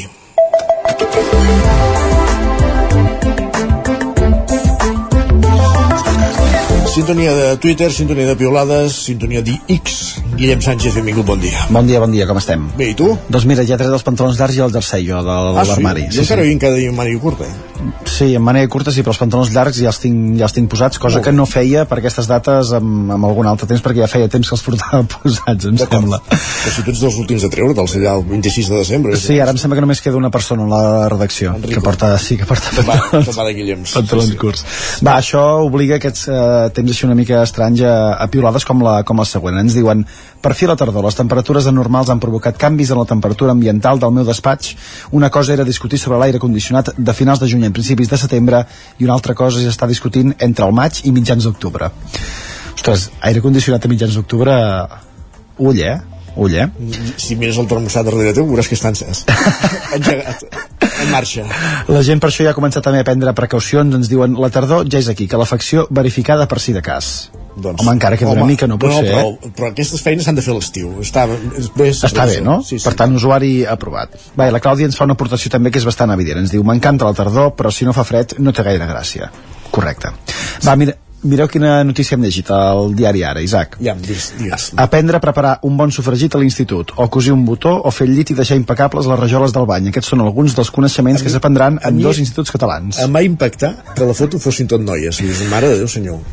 En fi, és igual. Usuaris com l'Anna no han deixat escapar l'oportunitat de comentar-ho per, per xarxes. Ens diu, no sé si aquesta és exactament la fórmula correcta, diu, però fa temps que penso que una manera boníssima de donar valor a les tasques de cures i crear adults funcionals independentment del seu gènere seria que tothom les aprengués a l'escola. Poder sí. Doncs vinga. I jo sempre a l'equip d'aquesta usuària de Twitter que ens diu arribar a casa i saber que a la nevera t'espera el tàper d'arròs del Delta. I qui l'ha fet el tàper d'arròs? No ho sabem, però, però si ens vol convidar també farem un tastet d'aquest arròs. I aquesta d'en Bru vinculada amb el menjar també està, està bé. Diu, ha arribat el dia. Diu, ha arribat el dia en què he pagat un entrepà amb la T-Mobilitat. M'he pirat i la dependenta m'ha perseguit perquè pagui. Perquè es veu que la targeta visualment és molt semblant alguna targeta de crèdit o de dèbit sí, sí. i hi ha hagut una mica de, de confusió i sabeu que queda poc per la castanyada, oi Isaac? Sí, el 30 d'octubre Estàs preparat ja o no? I tant En Joan el que està és indignat Per què? ens diu, els mateixos pares que van desfer-me els panellets que vaig fer a segon de primària a l'escola perquè no hi havia posat sucre per acabar fent una coca de panellet remix han aparegut avui a casa, tres punts suspensius amb panellets sense sucre. Diu, un mes al Memorial de Greuges. Carai. I acabarem amb aquesta d'en Jaume, va, que té un dubte. Ens diu, m'han convidat a una festa de Halloween i diuen que m'hauré de disfressar. Em debato entre castanyera, marrameu torre castanyes o panellet. I l'opció no anar-hi no hi és. Uh, tu què li diries entre aquestes tres? Alguna... Ja t'he dit la quarta, no, no hi és la quarta? Ell no ens l'ha proposat, però potser també se la pot plantejar. Gràcies, Guillem. Va, que vagi molt bé. Territori 17 Tres minuts i mig que passen de dos quarts d'onze del matí, moment pel podcast, moment pel podcast del racó de pensar, com cada setmana amb la Maria López, i avui, intel·ligència artificial i ètica. Maria, benvinguda, bon dia. Fa només uns dies estava redactant un projecte per a un nou programa de ràdio. Portava dies dissenyant el concepte, el format, qui serien els locutors. Però em faltava un nom, un nom que fos prou original i fàcil com perquè els oients no l'oblidin. Portava hores donant voltes fins que una companya em va dir «Li has preguntat al xat GPT?» D'entrada em van assaltar els dubtes, però em vaig animar a provar. En qüestió de segons, un personatge inhumanitzat em donava un munt d'idees a l'altra banda de la pantalla. I tot amb una simpatia absoluta, és a dir, que em va portar a passar-me una hora sencera parlant amb la màquina de tot el projecte i de com millorar-lo. De fet, confesso que em van entrar ganes d'explicar-hi alguns dels meus problemes quotidians, convençuda que segur que també em donaria una solució. Després d'aquella hora, finalment vaig titular el projecte amb un títol que en cap moment m'havia ofert el programari, sinó que se m'havia acudit a mi mateixa. Però la realitat és que se'm va acudir després de que aquella pluja d'idees amb el meu amic virtual donés tants fruits i m'estimulés una mica el cervell.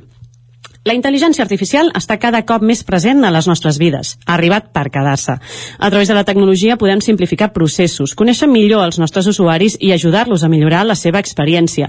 Però integrar la intel·ligència artificial sense una reflexió prèvia sobre els valors pot implicar alguns riscos. La privadesa, la formació de la pròpia identitat, l'atribució de responsabilitat o els biaixos en el processament de dades són només alguns dels elements on intel·ligència artificial i ètica es troben cara a cara. I no només en el periodisme, turisme. Sectors com la salut, la justícia o l'educació també presenten dilemes ètics pel que fa a la intel·ligència artificial. Quins riscos a llarg termini pot comportar la implementació de la intel·ligència artificial en el nostre dia a dia? Fins a quin punt partir d'informació preexistent limita la nostra capacitat creativa? Val tot per tal d'obtenir resultats més immediats i amb menys esforç? Us parla la Maria López i això és El racó de pensar.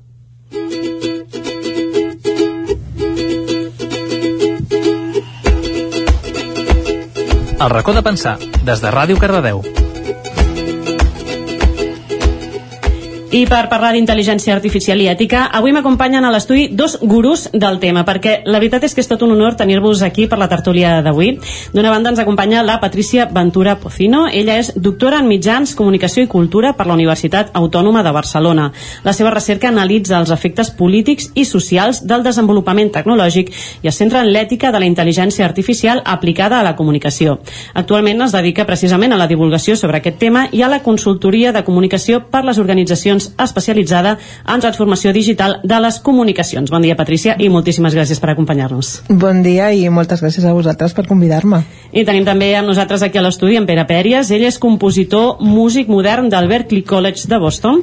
Ha, estat, ha, ha sigut qui ha liderat el projecte IMCAT, que va presentar l'any 2021 la primera cançó catalana feta amb intel·ligència artificial com a participants del iSong Contest, emportant-se el premi del públic. I fa tot just unes setmanes publicava també una nova cançó, aquest cop interpretada per la Júlia Ubà, exconcursant d'Objectiu Paqui, eh, aquesta cançó anomenada Coding, i ens entrada també per intel·ligència artificial. Bon dia, Pere.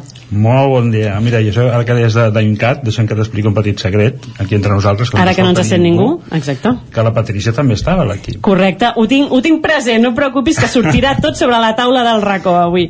Uh, I vaig precisament amb la Patrícia, perquè tu t'has especialitzat total i absolutament amb aquest cara a cara del que parlàvem, no?, d'entre intel·ligència artificial i ètica en quin moment a tu et, et salten aquestes alarmes i dius aquí, aquí s'ha de treballar això, s'ha de posar en valor què et fa tu endinsar-te en aquest món? Bé, doncs al final és que la tecnologia, com bé dèieu al principi, està cada cop més present a les nostres vides, no? I uh, aplicar-la d'una manera, diguem, acrítica o determinista ens pot portar, doncs, a, no sé, a, a, a aquesta mentalitat de voler-ho optimitzar tot, eh? Uh -huh um, que al final mm, no et porta enlloc, no? més que a voler anar més ràpid.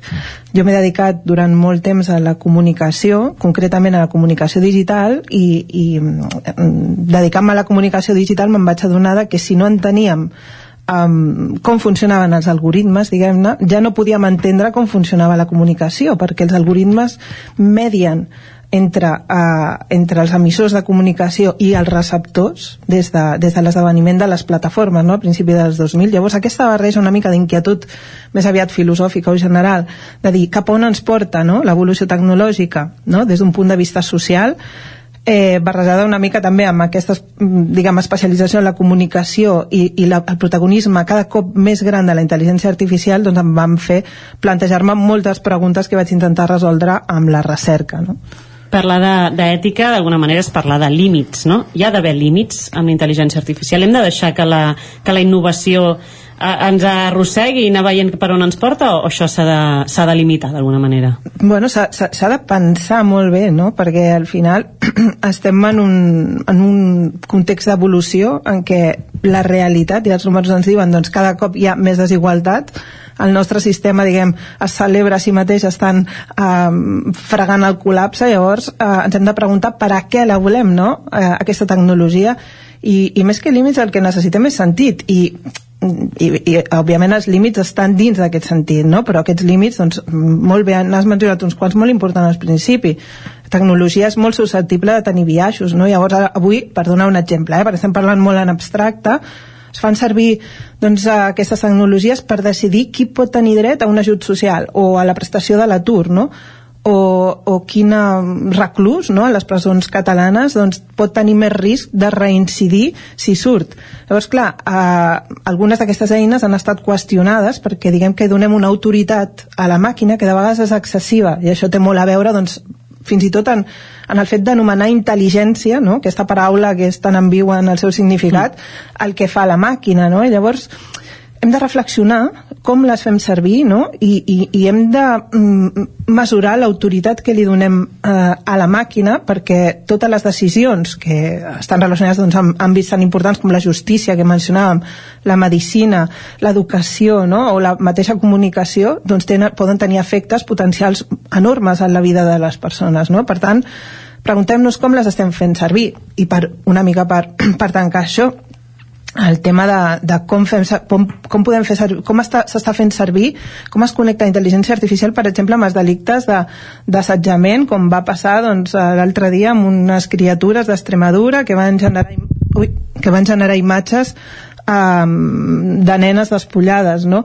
Com es connecta amb, amb els sistemes totalitaristes, és, és, és molt versàtil tot això, eh? però uh, com la, es fa servir, per exemple, la fa servir el govern xinès per controlar al màxim a la seva població, no? Llavors, tot això és molt versàtil i hem de pensar en tots aquests riscos sense oblidar doncs, que també ens proporciona doncs, moltíssimes oportunitats per descomptat, no?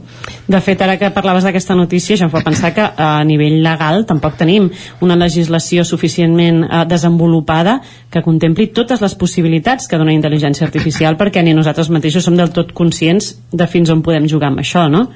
D'alguna manera la, la llei eh, va, va enredarida amb aquestes coses, no? Fins i tot diré que els propis desenvolupadors d'intel·ligència artificial són els primers interessats que hi hagi una legislació, perquè si hi ha algun problema greu, ara mateix els responsables són ells. Uh -huh. En canvi, si hi ha una legislació de caire europeu o nacional, aleshores sempre es poden refugiar en què s'ha legislat de tal o de l'altra manera. Mhm. -huh. I que ells ja no són tan responsables de, de l'ús que se'n faci.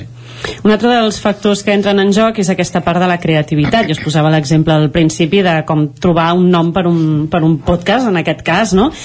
I jo em vaig adonar que quan ho feia hi havia un punt com d'orgull, per dir-ho entre cometes, de dir, és que si em quedo un del que em diu la màquina, no l'he pensat jo. I això m'atacava d'alguna manera aquesta ferida de la creativitat, no? Dèiem abans, el Pere ens abans avançava que havíeu coincidit també amb l'equip d'IMCAT eh, en, la en la creació d'un projecte com, com és una cançó, no? com és la música, Pere, quin és d'alguna manera el, el procediment i fins a quin punt a tu t'han qüestionat pel fet de fer cançons o composar cançons a partir d'intel·ligència artificial?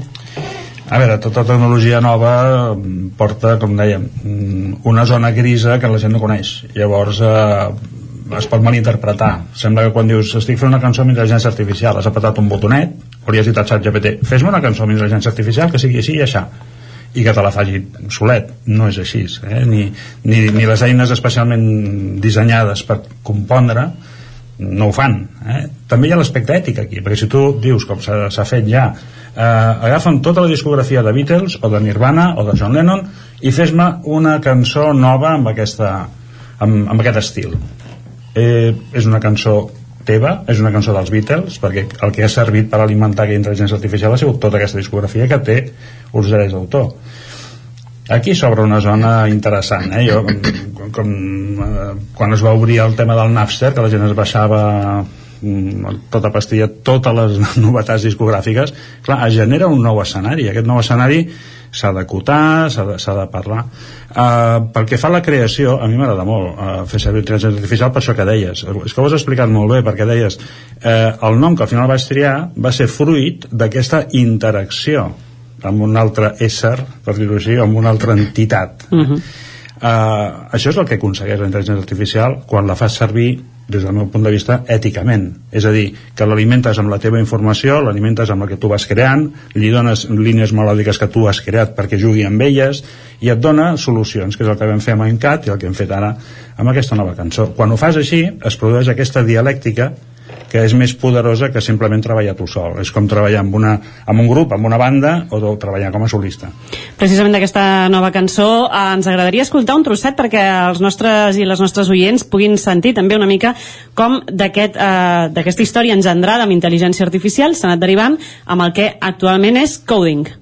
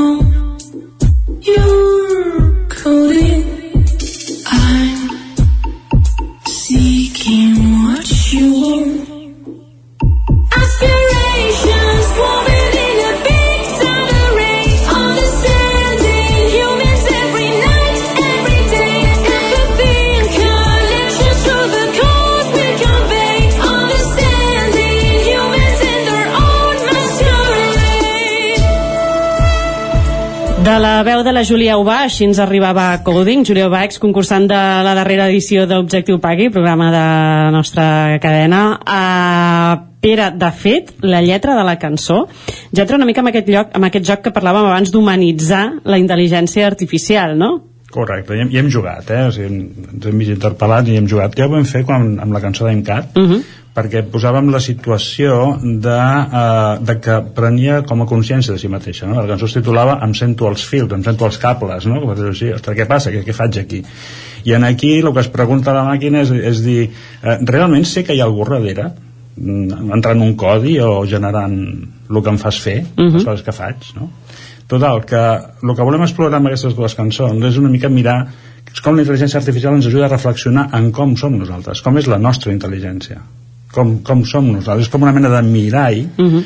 imperfecte que ens ajuda a estudiar-nos com nosaltres reaccionem, com nosaltres fem les coses, com decidim i aquí entra l'ús ètic, perquè clar, tota aquesta informació en males mans pot generar molt mal ús i un abús de, de tot això de, de fet, Patricia, eh, exacte, era això, no? una mica quan vau fer l'equip amb MaimCat, eh, així com el Pere estava a la part més creativa, tu precisament la teva tasca era treballar aquesta part ètica, oi? Sí, sí, sí, i abans d'això, és que ara estava, que estava parlant de la música, just ahir el sector de la intel·ligència artificial va publicar un informe que l'estava revisant ara per veure exactament què deia, i una de les previsions que tenen per aquest 2024 és que una cançó eh, generada amb intel·ligència artificial entri en el top uh, de Spotify en el Billboard, aquí posa el Hot 10, eh, 100 Top 10 on the Spotify uh -huh. Top Hits 2024. A veure, a, dir... a veure si és aquesta. A veure si... ja podria ser Golding, no? Però fixa't, això és el que preveu, sí, sí, una previsió del sector. I efectivament, amb, amb l'equip d'IMCAT doncs, vam fer un projecte d'ètica en paral·lel al projecte musical i, i des del principi doncs, eh, vam compartir doncs, eh, preguntes, no? perquè ara el que tenim són preguntes, dèiem, no hi ha legislació, hi ha poca experiència prèvia, perquè quan vam fer eh, durant aquest projecte no havia explotat tota la història del xat GPT i per tant doncs tot estava ver verdíssim, no? Ara uh -huh. hi ha molta més reflexió, n'ha sorgit molta de cop ara, oi? Però el 2021 doncs encara no i, i llavors des del principi doncs, vam compartir entre tots eh, reflexions eh, entorn a, als temes clau no? eh, temes de, que tenen a veure doncs, això que comentava Pere, el tema de l'autoria no? eh, si ens consideràvem autors o no temes de, de privacitat, temes de copyright i eh, si la, fins i tot des d'un punt de vista més general si la intel·ligència artificial doncs, trauria feina als músics. I, i totes les persones participants que vam ser moltes, no recordo el número exacte Pere, però... Vam estar entre els 35 i 40 35 i 40 I, a, la, i a les reunions que teníem sempre s'acaba parlant d'ètica. Clar, recordo, és eh? que en el fons el, el, el ser un tema bueno, tan nou suposo clar. que entren dubtes. I en el fons si hi ha molta gent allà que es dedica a la composició fins a quin punt estem eh, donant menjar, per si dir-ho, a alguna cosa que ens pot treure de feina, no? Sí, bueno, hi havia totes aquestes reflexions que vam compartir, però al final també eh, bueno, el resultat també parla per si mateix no? Eh, el que fem és o, o el Pere tot això ho explica molt bé perquè ell és la, la, la ment creativa no? com totes les persones que hi allà però quan els, jo he vist algunes imatges de, de les persones creatives, creatives treballant amb la intel·ligència artificial i se't treuen tots els dubtes perquè és que una persona creativa no és capaç de deixar una màquina que faci les coses necessita experimentar, interactuar i és molt bonic veritablement veure com interactuen no? i d'altra banda sobre això que comentava el Pere que a mi m'agrada molt aquest tema no? I, i penso que, que també és molt important i molt bonic preguntar-nos no? què és allò que ens fa humans no? aquesta tecnologia, clar, eh, li encarreguem coses que fins fa poc pensàvem que era impensable que una màquina pogués fer no? i per tant tot això ens convida a preguntar-nos què és allò que ens fa humans, no? I he tingut la, la sort o el privilegi de poder, de poder fer recerca sobre aquest tema i és veritablement bonic, vull dir, eh, una màquina no té vida, no? Les persones tenim vida, les persones eh, sentim emocions que estan directament connectades amb, amb la creativitat, eh? eh sentim... Eh, tenim eh, objectius no? que estan directament relacionats amb les emocions les màquines no en tenen d'objectius som nosaltres qui, qui, les, qui les programem no? i, i, i s'alimenten amb dades que obtenen de, de, de la nostra activitat humana ara al futur sí. ja veurem no? que, que es retroalimentaran entre elles ja veurem això però en fi, no, penso que la, la por no és bona per governar, l'ètica és governar la tecnologia, no? llavors no tinguem por preguntem-nos què és allò que ens fa humans i governem a la màquina, som nosaltres qui la dotem de sentit i oblidem-nos d'aquest discurs del hype de que si ens exterminaran ni Terminator ni res, és a dir, no, no, però a veure, és que són discursos que tenen Terminator tots els GPT, no? jo crec que potser el risc una mica sí. és uh, atorgar-li funcions, una mica el que deies abans, poders, que, que estiguin deshumanitzats, no? Uh, potser el que deies, no? Temes de presons, temes de, de qui assignar-li una ajuda o, o mèdics, no? Si això es fa des de la deshumanització, pot ser un risc a llarg termini, no? És que potser aquest és el, el pitjor risc. Eh, o sigui, on, on es pot destruir no és construint robots que ens matin, però sí deshumanitzant-nos com a societat. Aquest és el gran risc de la intel·ligència artificial o el gran mal ús que podria tenir.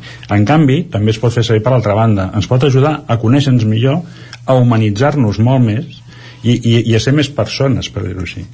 Perquè, a més, nosaltres, eh, els artistes, això ho veiem. Vull dir, eh, si tu tens eh, un gran mitjà, un gran instrument, però no ets un bon artista, d'allà no sortirà res.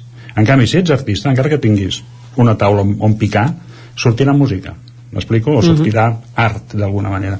Perquè estem connectats a un subconscient col·lectiu, els artistes. Ens fiquem la mà en aquest subconscient col·lectiu, traiem una matèria sense forma, li donem una forma que sigui compatible amb les nostres eh, sensibilitats, i l'oferim i llavors això ressona amb gent que també té contacte amb aquest, amb aquest subconscient col·lectiu però, però la màquina no ho té això, és una màquina ara per ara l'únic que fa és calcular d'una manera diferent en com calculava. Abans era d'una manera molt, molt directa ara és una manera més probabilística et dona més opcions, té molt, més eh, elements eh, en, en aquesta, a la seva cuina però qui ha de cuinar l'obra o qui ha de cuinar l'art que ha de cuinar el bon ús és l'ésser humà, mm. amb la seva ètica perquè mm. fins aquí no ha arribat encara Sí, després està el tema de la creativitat maquinal no? que em diuen, ostres, la màquina és creativa però no ens preguntem aquestes coses és a dir, la creativitat té una funció dins de la o sigui, la màquina el que és una, és una estadística és un sistema estadístic que calcula probabilitat en el cas del ChatGPT de que una paraula vagi al costat d'una altra, no? Mm però és tot matemàtic um, i a més a més es basa en l'activitat humana és a dir, la màquina hauria de rendir tribut a l'ésser humà i als éssers vius perquè està inspirada i vol imitar la vida i, i no és una cosa viva, és una cosa matemàtica no? Um, la màquina no pot ser creativa, no? Jo penso que des de la comunicació hem de, mm, en fi, apel·lar al bon ús del llenguatge, no? I perquè aquest ús del llenguatge, l'antropoformització de la màquina, eh, humanitzar-la massa, doncs ens fa oblidar-nos de, de, de què som nosaltres i de que l'hem de governar i de que la màquina ens ha de rendir tribut a nosaltres i nosaltres l'hem de fer servir, no? Per tant, aquest ús del llenguatge, la creativitat té, té funcions que tenen a veure amb la realització personal. Una màquina no pot tenir aquesta, aquesta voluntat i tampoc pensa en com es sentirà la persona que escolti això, no? Però, per tant, és molt bonic eh, fer aquestes reflexions, no?, i d'entendre, doncs, què ens diferencia de la màquina eh, i, i, per tant, ens ajuda, doncs, a fer-la servir sense por i sense que ens domini i, sobretot, sense que ens dominin aquells que l'han de, de treure benefici, no?, que, ara, que això també s'ha de dir, és a dir, n'hi ha quatre, que són els d'OpenAI, els de Meta i els de Google, etc que gràcies a totes les dades que obtenen, no?, res en contra de l'eina, però clar, totes les dades que obtenen de tota l'activitat humana, d'autors eh, que tenien el seu contingut a internet, doncs s'estan enriquint, no? Doncs aquí també s'ha de plantejar doncs, eh, eh, quina compensació mereixen potser tots aquests autors de qui s'ha estat enriquint. Jo sentia l'altre dia una creadora, una dibuixant, que clar, estava uh, espaventada i jo ho entenc també, que deia ostres, que li demano en aquesta eina generativa d'imatge que generi una vinyeta amb el meu estil i el té perfectament clitxat, saps? I jo m'he passat hores de la meva vida, m'he passat... És quasi ofensiu, no?, pel creador. Home, aqu... jo escoltava aquella noia i deia, ostres, és una coneguda vinyetista uh, americana i deia, deia, ostres, que jo m'he passat moltes hores de la meva vida, jo em tiro 8 hores al dia dibuixant per, a, per haver aconseguit això, no? I per tant aquí hi ha tot un, un dilema en aquest sentit, després està el tema mediambiental també d'aquestes eines que consumeixen molt i, i tot això s'ha de en fi, s'ha de, de pensar molt bé no? i s'ha d'acabar doncs, regulant d'alguna manera i posant una mica de seny no? però sen, sempre amb equilibri no? i val a dir que, que és una cosa que abans ho he dit no? que, que està aquí per quedar-se o sigui, hem d'entendre que és una revolució, com va ser la industrial o com va ser la digital, és una nova revolució, però en el fons també és maco això. Vull dir que, eh, per exemple, el dijous he d'anar a l'Autònoma, que estem en la Setmana de l'Innovació, i he de fer una explicació a molta gent que vindrà sobre composició d'intel·ligència artificial, vindrà perquè voldrà saber com compondre apretant un botó i jo us he d'explicar que això no funciona així. A més, jo estic fent una òpera amb intel·ligència artificial ara. I dius, home, eh, jo no seria capaç de fer-ho potser sense la intel·ligència artificial. O sigui, m'està dotant d'uns recursos d'unes eines que si abans com a alpinista podia arribar a fer un 2.000 ara puc fer un 4.000 i segons com podré fer un 8.000 i pujar a l'Everest, cosa que no m'havia pensat mai a la vida. Ara puc. Hi ha molta gent que podrà fer-ho i així se li obre una, una porta a la creativitat però que no hi vagi pensant que la intel·ligència artificial el convertirà en artista, perquè és al revés. L'artista converteix la intel·ligència artificial en art. Uh -huh. no, no funciona d'altra manera. Pot imitar, llavors aquí està el risc de dir, clar, si jo he creat un estil i aquest estil me la, me la fusellen, m'estan convidant a fer una cosa nova també. També ho puc mirar així. I doncs a partir d'ara, en lloc de fer així, els denunciaré per fer servir la meva feina, però a partir d'aquí, ara jo em desplaçaré quan es van inventar els sintetitzadors i es van popularitzar, allò sonava un clarinet i, i la gent deia, els clarinetistes estan fotuts perquè Mm. estan sense feina, amb la maquineta aquesta Que quantes vegades ha passat que històricament pensem que un canvi ens, ens, fa, ens, posa, ens portarà tothom a l'atur, no? Correcte. Llavors, què s'han creat? S'han creat autèntiques noves eh, estils, autèntics nou, nous gèneres de música fet exclusivament amb, amb, la, amb, la, amb l'ús creatiu dels sintetitzadors. Mm. -hmm. És un exemple que, que ve dels anys 70, no? Doncs ara el mateix. Hem d'aconseguir que aquesta intel·ligència artificial treure-li, que, que ens ajudi a treure el màxim partit de nosaltres o que ens porti a cotes que abans no podíem assolir. Si, si aconseguim legislar, equilibrar tots els factors de manera que aconseguim que la humanitat, tots, en els diferents camps, fem aquest pas endavant, ens serà útil. Si no, servirà per esclavitzar-nos, com també han servit altres tecnologies en el passat. Suposo que una de les pors també és en el fons, la intel·ligència artificial, tot el que treu té un origen en el que nosaltres introduïm. Uh, hi ha por, així, per respondre ràpid que ja ens arriba la música de fons, però penseu que ens pot estancar, això, ens pot estancar la nostra originalitat, eh, que tot d'alguna manera vagi a petar eh, a res resultats que nosaltres mateixos hem introduït? Jo, jo crec que no, jo crec que, eh, com deia Hannah Arendt, és, eh, les persones humanes som úniques, la creativitat eh, de la natura és, és l'única cosa de, de la qual es pot esperar un, allò que és totalment nou, no? Fixa't, cada persona, cada persona en aquest món és absolutament diferent, és meravellós.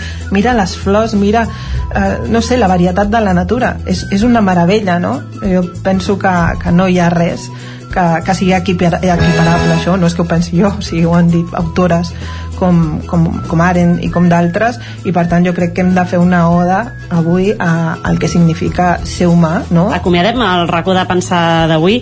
Moltíssimes gràcies, Patrícia Pere, perquè crec que ha sigut una lliçó en tota regla i, i amb un punt filosòfic molt interessant, molt, molt bonic. Uh, moltíssimes gràcies per tota la tasca que feu i per portar-nos aquest tema aquí avui sobre la taula, debat sobre intel·ligència artificial cara a cara amb l'ètica. I ens acomiadem, ara sí, fins la propera setmana, que tornarem amb una nova tertúlia, amb un nou debat, amb noves persones, nous testimonis, amb qui debatre, posar sobre la taula i pensar, per què no, per intentar fer les coses cada dia una mica millor. Fins a la propera setmana, us acomiadem del racó de pensar. FM, Ona Codinenca, Ràdio Cardedeu, Ràdio Vic i La Veu de Sant Joan, amb el suport de la xarxa. I tornem demà a partir de les 9. Que passeu molt bon dimarts. Adéu-siau.